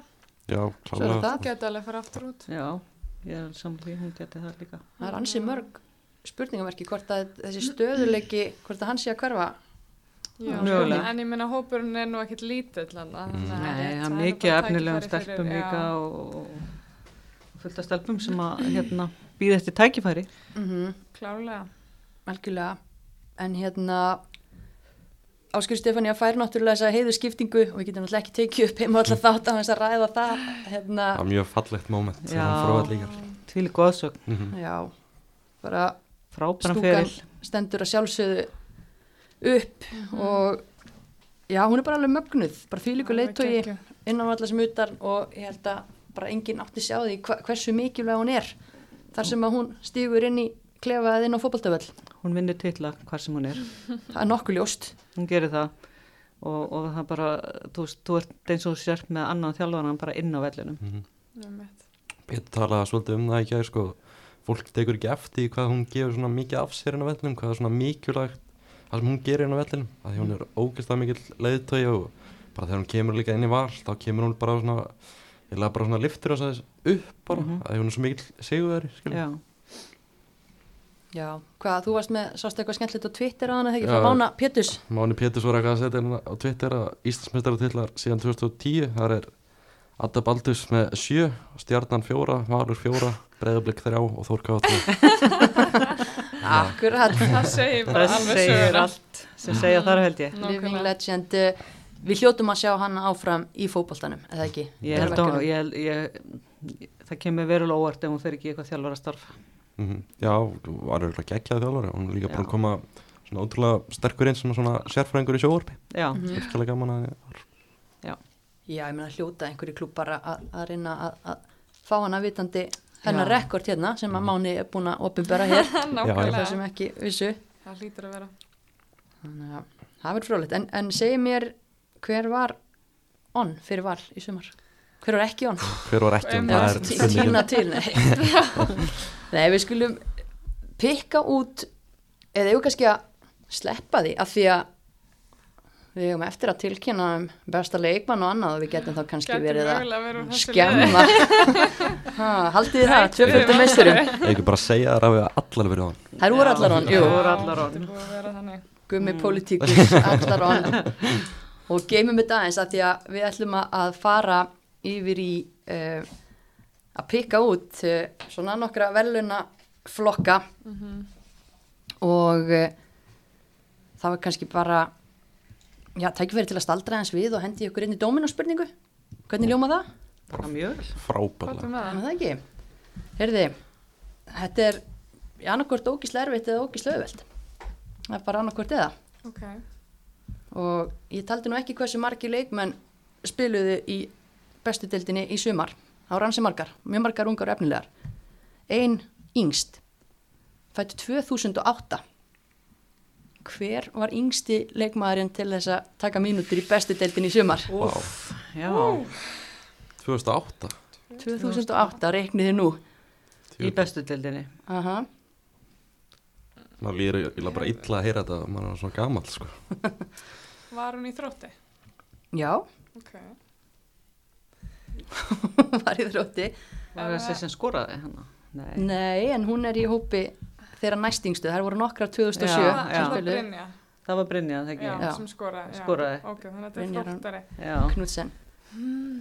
Þetta er þróttari sem er á leiðin í 15 ára landslýsverkefni í nótt. okay. ég man ekki nafnið Nei, ég er ekki alveg með það sko Nei, ég skal opinbera það.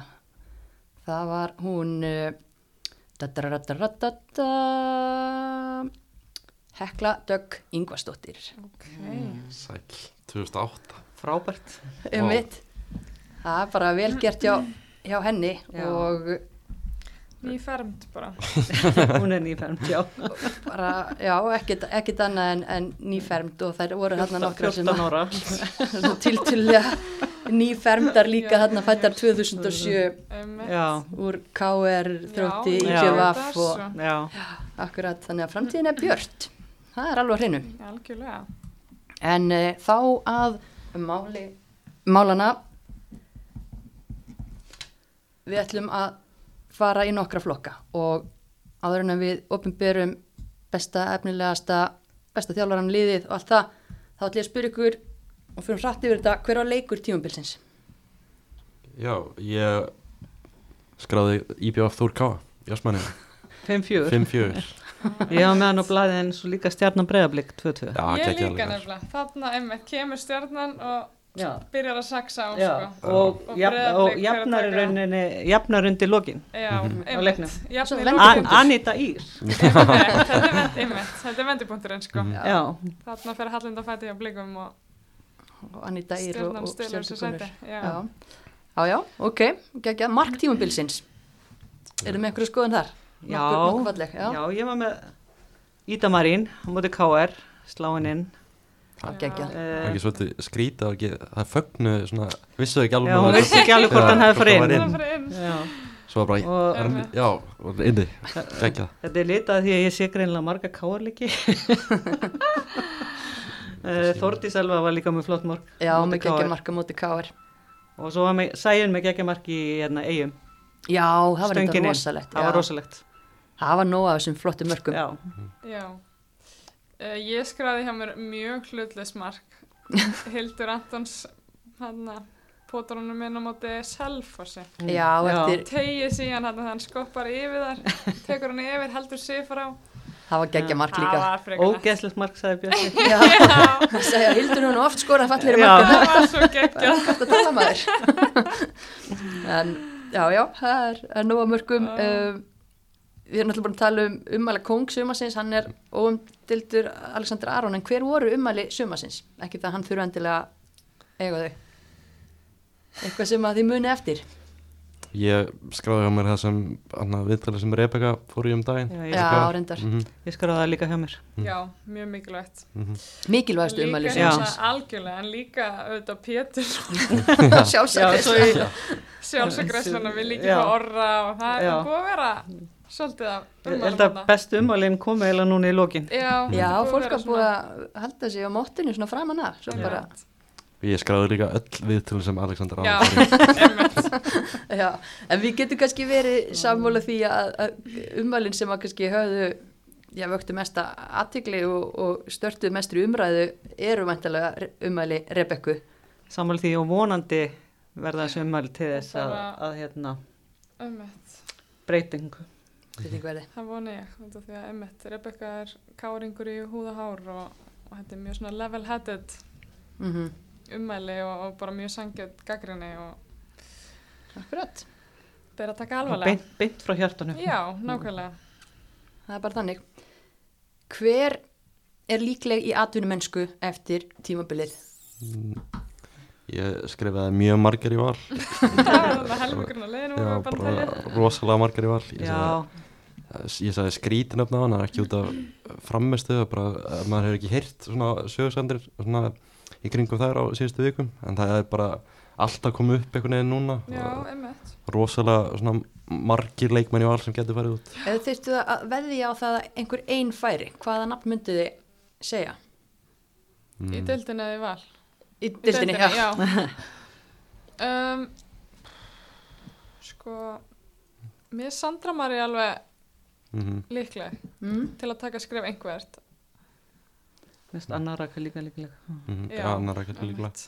Hann talaði þannig í gæðir sko svona ekki alveg eh, svona víst hvað hann gerir mm -hmm. Já, og svo þú veist, Natasja líka ég, Mm. það var náttúrulega sögur um hana að brann í Noregi vildi fá hana uh, Mhm. Já, fyrir, einmitt. fyrir sumar uh, Svo var Heidís nú líka Já, Já, allra úti og Já, ég held að hana langi nú alveg eftir að að prófa aftur fara einhverst út þannig að það var alveg spurning með þær báðar mm, og Jasmín náttúrulega í stjórninni líka já. Ég held að hún sé klálega að horfa í það og geta farið út Mhm. mm -hmm. Mhm. Við kannski ekki fara akkurat á þessum tímapunkti, sant? meist þetta því, Já, eða hvað? ég veit það ekki kannski að það kemur eitthvað gott Já, það tilboð. þarf kannski að vera Já. með nóg spennandi út af því að Já, Já, Meistardildin í öðru lið kannski.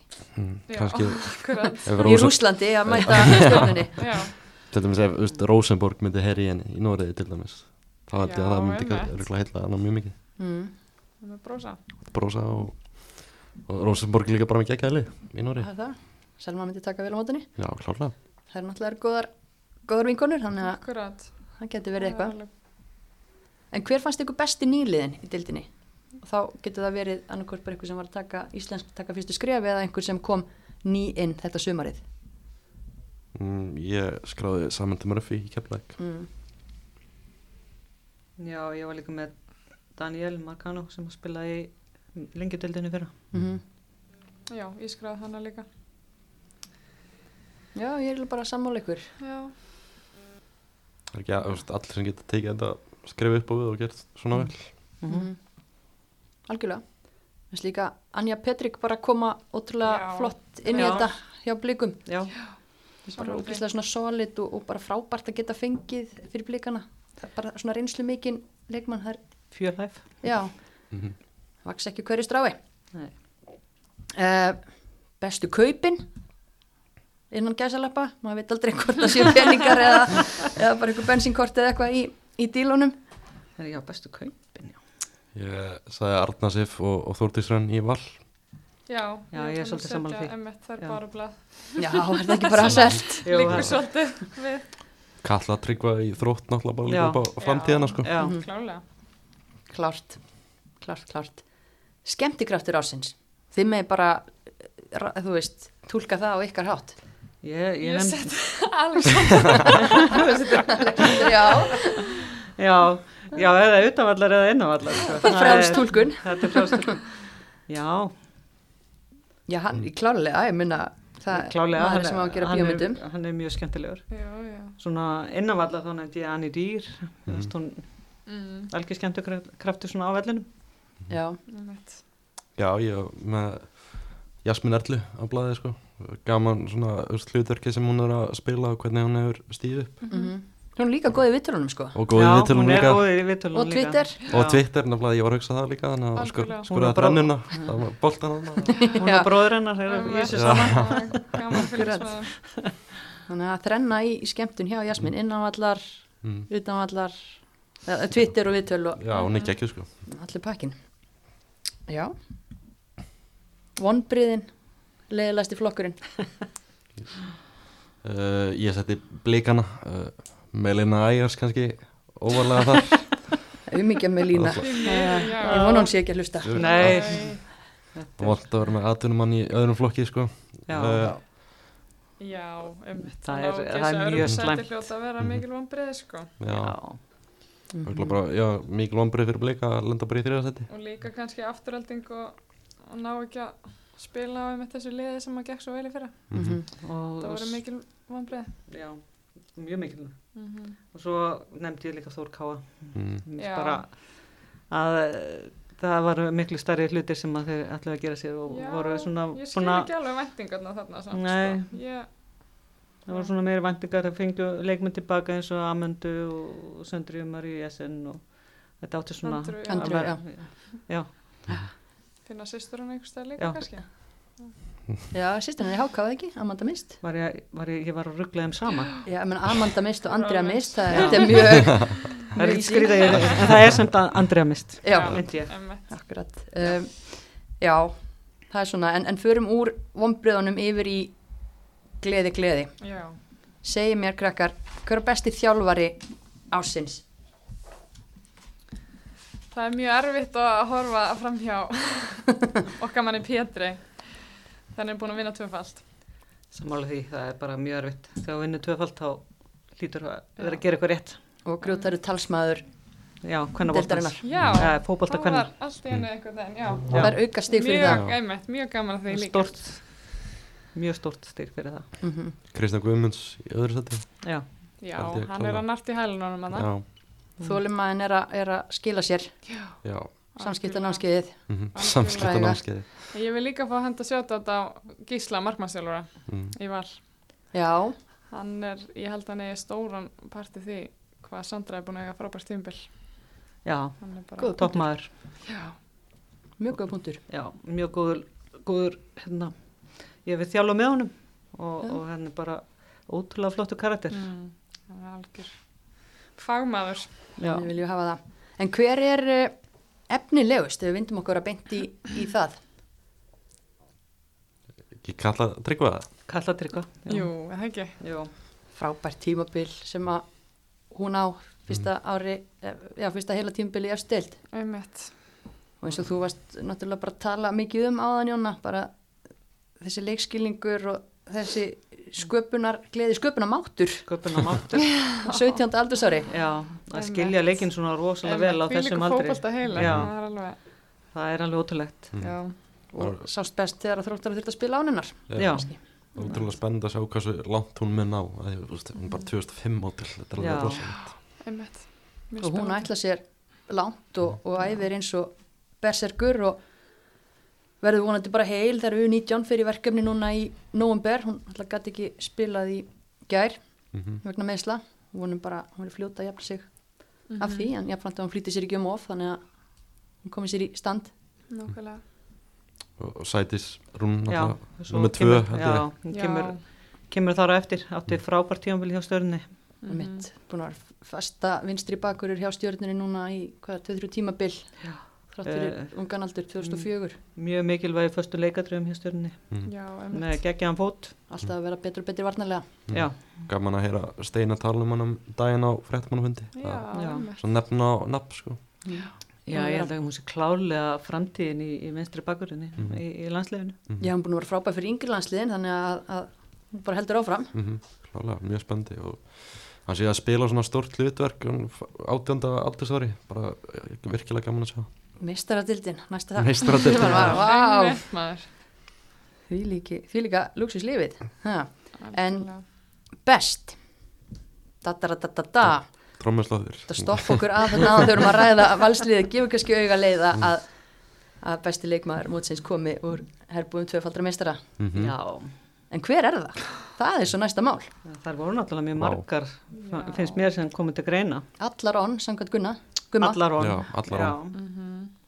og, og hvernig, einmitt, hvernig ger maður upp á milli? Það er ókýrslega erfitt Eh, það eru kannski svona þrjár sem standa upp úr þjávalasliðinu í sumar og það er bara að velja eina þeirra Já, hvað, hvað er þrjár? Það er Arna Sif Eh, Sandra og Lára Kristín á- það ekki, Jú, topp þrjár þessar þrjár Jú. Svo kemur mistar á eftir líka Mhm. og Þórdís Já. Þórdís Rönn Og Þórdís líka Rönn. Herru, stopp nú, við erum að velja. Ástíð. Ég held við getum allan að vera sammálum að þessa þrjár spiluðu frábærilega Já. allt tímabilið, já, eða þú veist, við getum sagt fleiri nöfn auðvitað Mhm. Já. en yngur, Líklega, líklega allar á sínu e, einu af sínu bestu tímabili já, voru það ekki bara allar á sína besta tímabili er það ekki Já. bara þannig? Já, þetta er liðið bara gekkja sko Nokkuð sem það. Mm. og Ingun þú nefndir hérna, söndru aðan og, og vinnuna með Gísla Já. Markmannstjálfara Einmitt. ég meina Sandra er ennþá að bæta sig Já. leikja hægstu leikmaður deildarinnar Einmitt. Þetta er alveg magna og einmitt þetta sísón sem við erum búin að eiga og með landsliðinu í sumar. Mhm. Það er Leikur á bara móti ótrúlegt að Hollandi. sjá hana. Já, einmitt. Þetta Já. er bara, einmitt. Hún var bara ann- en hún greinilega var eitthvað með annað. Sjálfstæðist í Já. botni og bara, það er svo gaman að fylgjast með henni. á hún ekki ammal í dag Jú, hún á mann í Jú. dag Hún er, Nú. Það eru bara já, hún- til hamingjum ammæli Já. já, sjátt á þetta hana 36 ára í Já. dag Langbesta tímabili hennar já, hún er Einmitt. bara Hún er bara toppi fyrirlsins akkur að núna Bara aldrei verið betri og vonandi heldur hún Ógeðslega góð. bara áfram að- að að toppa sig mm Maður ja. sér það líka bara veist, sjálfstöðstur í botni hún er, hún er bara eins og Hún er bara orðin svíperkýper í valsliðinu Hún Já. er bara ógeðslega góð Bara í fótbolta, að Já. sparka boltanum Og hún er bara eins og veist, Etisson og Alesson Ef maður er að veist, bera hana saman við einhverja Bara geggju að sparka boltanum fram Hittar lýsfélina, bara fáranlega góð sko. og bara búin að bæta sig mjög mikið í því af því það var kannski ekki eitthvað sem við myndið tala um sem styrkleika fyrir 10 árum eða Nei, það er eitthvað bara, svoleiðis. í dag er það bara einn aðeins styrklegum Þannig að sjá- sjá- sér maður það alveg þú veist það er spila úrhætt bara tilbaka og róa allt niður og byrja upp á nýtt og og hún, hún byrjar þá oftast mm -hmm. Svo áttu náttúrulega eitt besta moment, besta burð sumarsins. Svo þegar hún hjælt á Mist Edwards á hérna varmárvelli. Það var svona eins og einhver svona Baywatch atriði líka við hljóp með hana í, í fanginu til að geta fagna með, með liðinu. Já, Þannig að akkurat segir ímislegt líka um hvaða mann hún hefur að- að geima, Sandra Sigurdóttir, algjör tímplayer. En þið nefndu tvær aðrar, uh, Lára Kristín Pettersen, önnur þeirra, mhm, ætla bara magnaður leikmaður. Já, um, þú sér sjaldan svona uh, góðan djúpan miðjumann mhm, með svona gríðarlega mikið leikskilning mm hún er bara skóð í svo mörgu Hún er svona staðsendingar uh, hvernig hún hefur sér til að fá boltan mhm. hvernig hún spilar milli lína og já, svo Tekur allt í loftinu. tekur allt í loftinu Einmitt. Svo rosalega ósýnilega gæði í vinna. sendingum já, gæði sendingum um, ég væri til í að sjá hana í landslýshóp en það er Já. bara Já, ég ég líka Hún er Bara vonandi er steina að hlusta. já, Já. Hlusta það á okkur. var, var í kringum hópin hann rétt fyrir EM 2017 svo Já. held ég hún hafi ekkert verið þar Ég held að hún sé Já, leikmaður langt sem- síðan. já, Ég held að hún sé leikmaður sem myndi henta landsliðinu ógislega vel bara Já. kannski svolítið það sem landsliði svona vantar Já, Já. algjörlega, öll þessu umræðum miðjun okkar. Það þú veist, Það er nú gaman að sjá já, hann sprauta af því sig að hún þarna. er þessi bara ekta djúpi, ekta akkurat. sexa Já, þetta er alveg sexa um já, og maður sér hann einhvern veginn aldrei panika hún er alltaf róleg yfir á Já. boltanum og, stjórnar öllu kringum sig mhm, já. já, og, og eins og við erum búin að tala um sendingagetan náttúrulega, Já. Kannski. sem að sem að, já, er svona svolítið vöndun á. -hmm. hún sér líka bara allan völlin bara allt Já. Mhm. sem er í, að gerast í kringum hana markið Já. hana Monti Káar þegar Þórdís skoraði hann þræðir hana hann Já. gegn Já. vörðina Já. ógeðslega flott Já, Já. Þriðja kona á lista hjá okkur, top 3 þetta sumari, Arna Sif, hún var valinn best af eh, kollegum sínum í gær, leikmannavali KSI, Arna Sif Áskvinsdóttir, já, komin aftur í val og bara steg ekki fylgspor. mæ, virkilega góð sko gangum allt í um já, hún, hún var bara ótrúlega góð frá byrjun og, og náttúrulega kannski líka, hún er með, var með mist við hliðin á sér Mhm. sem að kannski má alveg nefna. Já, ég er hjartanlega samanlega því. Við getum alveg haft listarna líka á, á lista. Algjörlega, bara pari sem að þær eru að mynda. Þær vega hvora aðraleg þvílitt vel upp og Já. ég held að það sé, við missi stóra ástæða fyrir því hvernig Arnars er búin að spila. Mm Til liðs í þrótt. Já, Til og, liðsíþrótt, og Arna sér búin að bæta sér bara rosalega sem leikmaður. Eh, Uh, Já, klálega. Hörku hún- standi. hörku standi. Bæta sig. Hún að bæta sig í, í sérstaklega í uppspili. Mhm. Bara, vann sér verðskuldaðin í landsdópin Já, mjög mm. verðskulda þar inn Mhm. Mhm. algjörlega. og, og svo náttúrulega hún bara algjört býst í loftinu sko. Mhm. Já. Já, já. ótrúlega sko og það er rétt fyrir leikmann sem er framann hana og líka fyrir söndru að hafa hana, hana í vörðinni og, og sérstaklega þú veist, eins og við nefnum með mist sko hvað það var bara verið- verið að skera örnum sér betri Mhm. Þetta mist er, er svona eins og Katrin Áspjörs. Eh, Já, Svona, það er mjög góð sko. svona, eh, það er báðar svona Afsakið.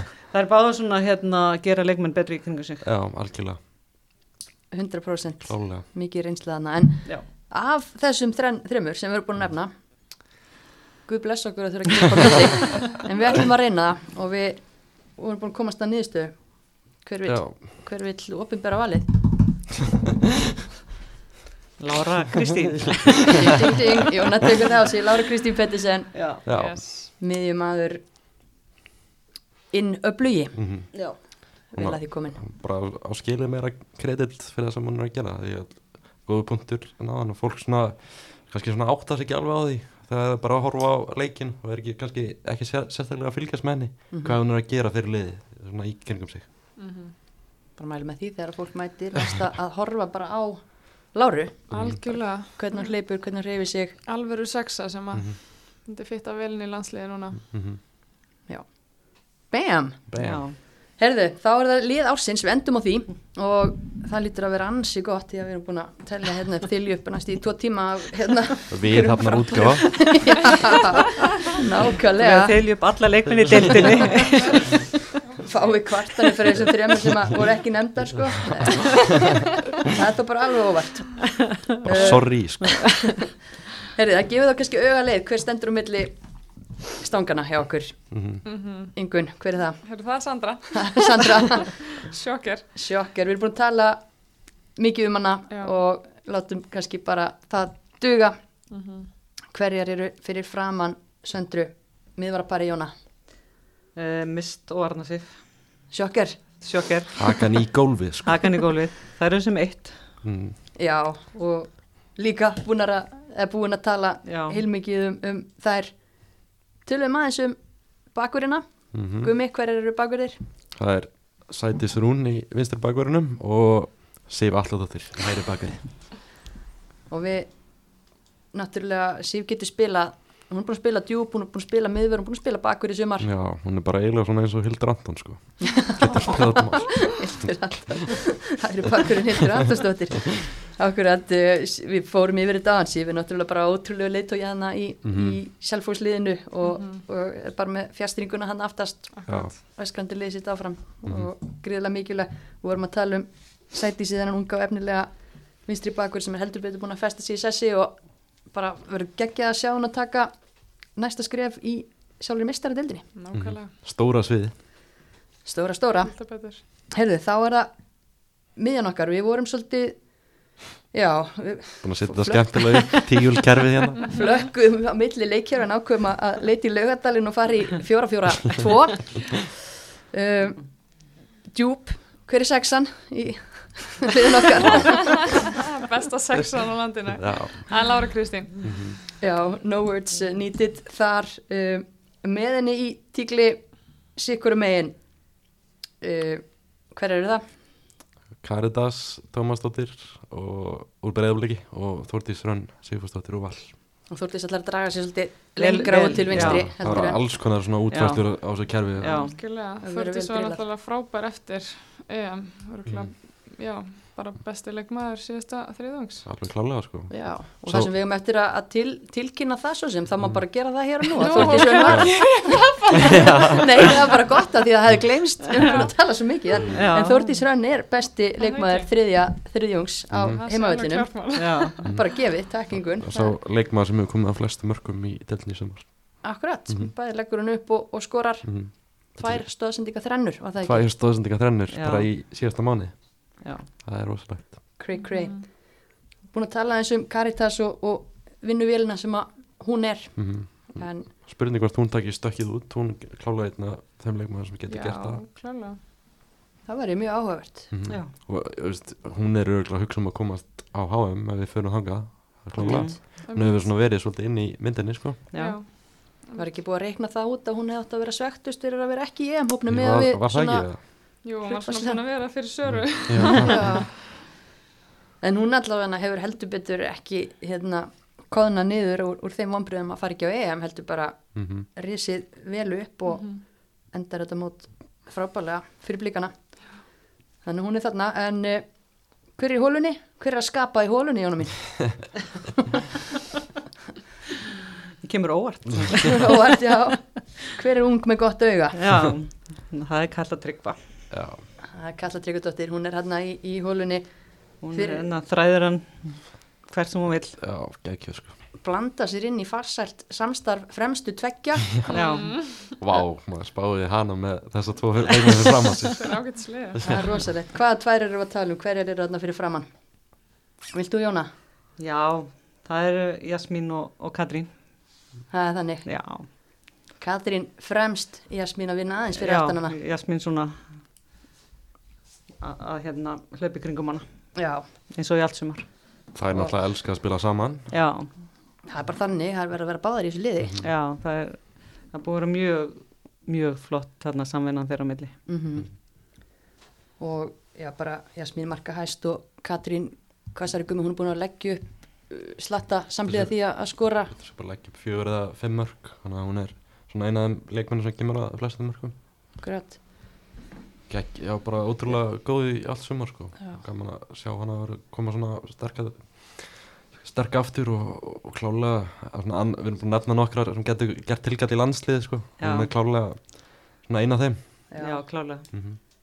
Þetta er hörkulið, ég myndi treysta mig til að vinna deildina með þetta lið, Allir það ekki? meistara deildina jafnvel um, Allir þetta lið komist ekki í reyðlakefni mestaröldunar Já, Uh, 100% ég er 100% sko og það var alveg nóg erfitt að velja þetta lið á líka ógíslega erfitt að velja bekkin mm en ef við ekki að telja upp leikmenn á bekknu, vara markmaður Gumi þín kona, Það var það mín kona eða Sam hvað, nei það var ekki þín kona Samantha, það er Íris Ætlum við að vera með tvo markmenn á bekknu, hvernig var það? Já, við vorum ekki alveg núna.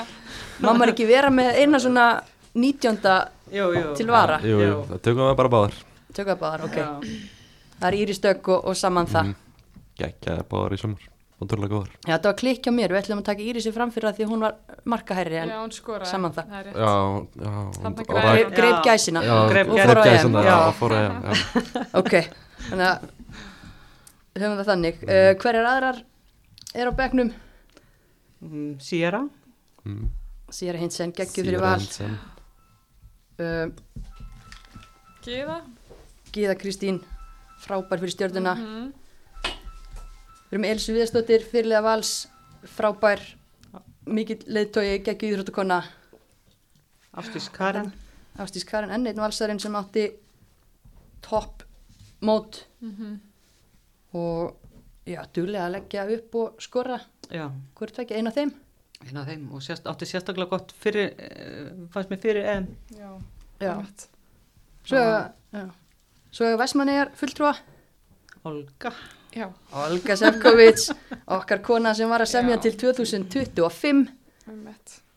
og hlökkum til að sjá meira frá henni svo á kópavórin já, loka sætið á bekknum, eða ekki Natasja, Natasja Nasi hún er, já, heldur betur, betur en engin og hefur reynst, reynst blíkunum vel grætt Hvort í heldur hvaða sem er. stöðu sem er Já, eiginlega hvort bara. sem það er í vörninni eða miðinni Ein- ein Nákvæmlega. af þeim. Eða fram eða vanta mark. já, Hún Já. er alveg ótrúlega. gjössanlega geggjuð svo vorum við með fullt af öðru nöfnum hann líka sem döðruðu við þetta Eh, ef ekki bara sleppa því að byrja að fylgja þær upp já. Þá stoppum við við, aldrei. Það er aldrei við hægt að getum stoppa. haldið áfram í all kvöld sko. Akkurat, en við ætlum ekki að gera það við erum búin að fara rækilega yfir þetta tímabil og ég held að að það sé bara tímabært að fara að kalla þetta gott en, en það er alltaf veitt eftir, alltaf rúsinan í bulsuendanum hér á uh, heimavöllinum, við veljum alltaf heklu hverstáttar í bóði bíla umbóðsins heklu heklan, kröftugustu konunnar og bestu bílanir það er bara þannig mælum með að fólk tjekki á heklu.is þegar það fyrir að leta sér að rafbíl til dæmis sem að við sem erum með onnappið hérna, Þurfum að fara að gera. þurfum að fara að gera streymum um um það er eiginlega alveg magnað að þessi kona hafi ekki verið formlega valin heklan okkur áður það er eiginlega bara með ólíkendum Já, við veit ekki alveg af hverju mm. en svona er það bara hver vill eh, ofinbera ég skal gera það. já, Ég var mikill að það. já, Það er hún mist Edvardsdóttir. sem er því Hekla. líkona Vel verðskulda. hún er ekki bara geggið í fótbolta Nei, það er ímislegt annað. bara þessi karakter sem þessi manneskja er, þú veist, hvað á maður að byrja? það er mörg að taka allavega Já, Vá. Lítilstúlka í Moselsbæ já, hefur íþróttaferilinn ég man alltaf, byrjaði afturheldingu já ég bara fyndi, ég man alltaf eftir því að því að ég heiti Mist líka, Já. en svo það er kannski vitið það er ekki droslega margar sem að heita þessu nafni, ég er bara nummið tvö til að fá þetta nafn Já. og bara alls ekki vun því að einhver annar heita það, svo Mm. er ég bara mætt að þjálfa í Mosó það var bara endalaust verið að góla á mig út um allt og ég skil ekki neitt þanga til að ég sé bara einhverja litla drottningu á vellinum mist endastóttir sex ára gömul eða svo bara þar bara náði hún fyrst mínu auga einmitt. og eira en hérna frábær, náttúrulega búin að já, spila fyrir nokkra klúpa var í K.O.R. á tímbili og já, heita þetta en hún líka þurft að gági gegnum alls konar mótlæti já, heldur nákvæmlega. betur heldur betur hvar maður byrja, hún er náttúrulega núna að fara í N1 Já, verkefni, fjóruða, fjóruða skiptið sem hún slítur krossband.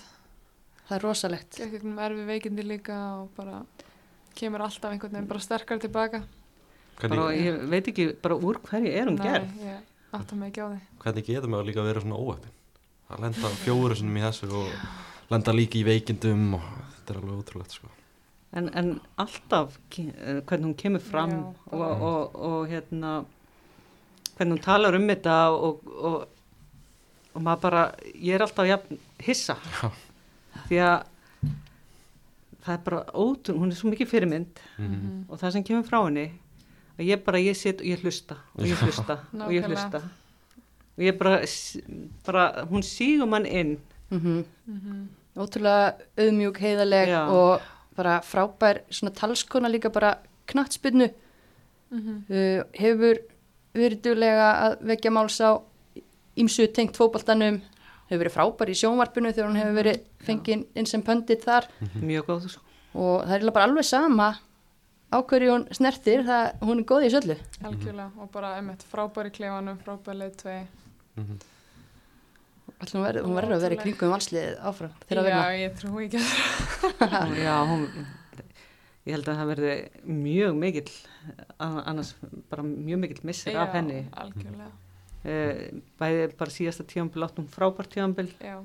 frábært tíambil núna fram að, fram að þessum meðslum og hérna og það hefði bara verið óskanda að hún hefði geta klára tímabili mm en hvað sagður þú vildi meina að hann hefði sagt að þetta hefði verið svo gaman í sumar og hún var ekki búin að útiloka endurkomu Já, þetta var náttúrulega árangurinn sem var hjá henni og liðinu búin að vera algjörlega magnaður og Já, hún bara búin að vera stórkastleg bæði, eins og ég sagði, bara í, bæði í sumar og í fyrra, Hún var valinn best í fyrra var valin best í fyrra og, og hann hefði vel- hæglega geta verið valin best núna líka, sko já, og hún vildi svona ekki útiloga að það væri búið Svífurum um á bleiku skí núna, Já. tvöfaldar meistari Já. að verða mamma Já. eftir korter og bara Já. allt, allt í góðu þó að hérna, þessi ógeðslega svekkjandi meðsli hafi orðið Já. einmitt. Já, á hún, þessum tímapunkti þegar að valskonur þurftu sannarlega á hann að halda líka. Ég veit ekki, ég held þetta sé ekki alveg búið hjá henni Nei. Ég held að hún mæti ég, aftur heldur það Já. ég, ég aftur á móti held núna að þú veist um, að það sé rosalega erfitt þú ert búin að slíta svona oft Mhm. uh, bara upp á framtíðin að gera mm -hmm. að, að ég held hún með ekki við því að meiðast svo aftur Hvað segir læknirinn? er þetta, er, Ég er er, samt út sniðugt? ráðleggingar eins mikið hún vill að Nei, nei, hún er eflaust að hugsa út í það líka mitt Já. að uh, koma með barn Hafa hné og, svona þegar hún er eldri, já. já, hafa Mhm. nýja og geta Já, já. gert já. ég tala hún reyndar að smá reynslu sko, líka Já, að- einmitt. að að nýjað er ónýtt Já, Já, að mælir hérna ekki nei, ég mæla ekki með því en, en, en ég vildi óska þess já.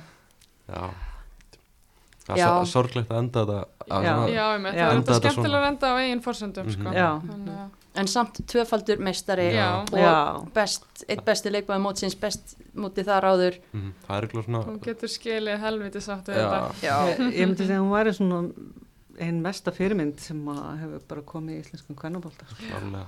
bara samanlega og ekki bara kvennabólta, bara íslensku fótbólta. Já. já, bara íslensku fótbolta yfir höfu, já Mhm. Hvað viljum við þá ekki fá hana í þjálfun?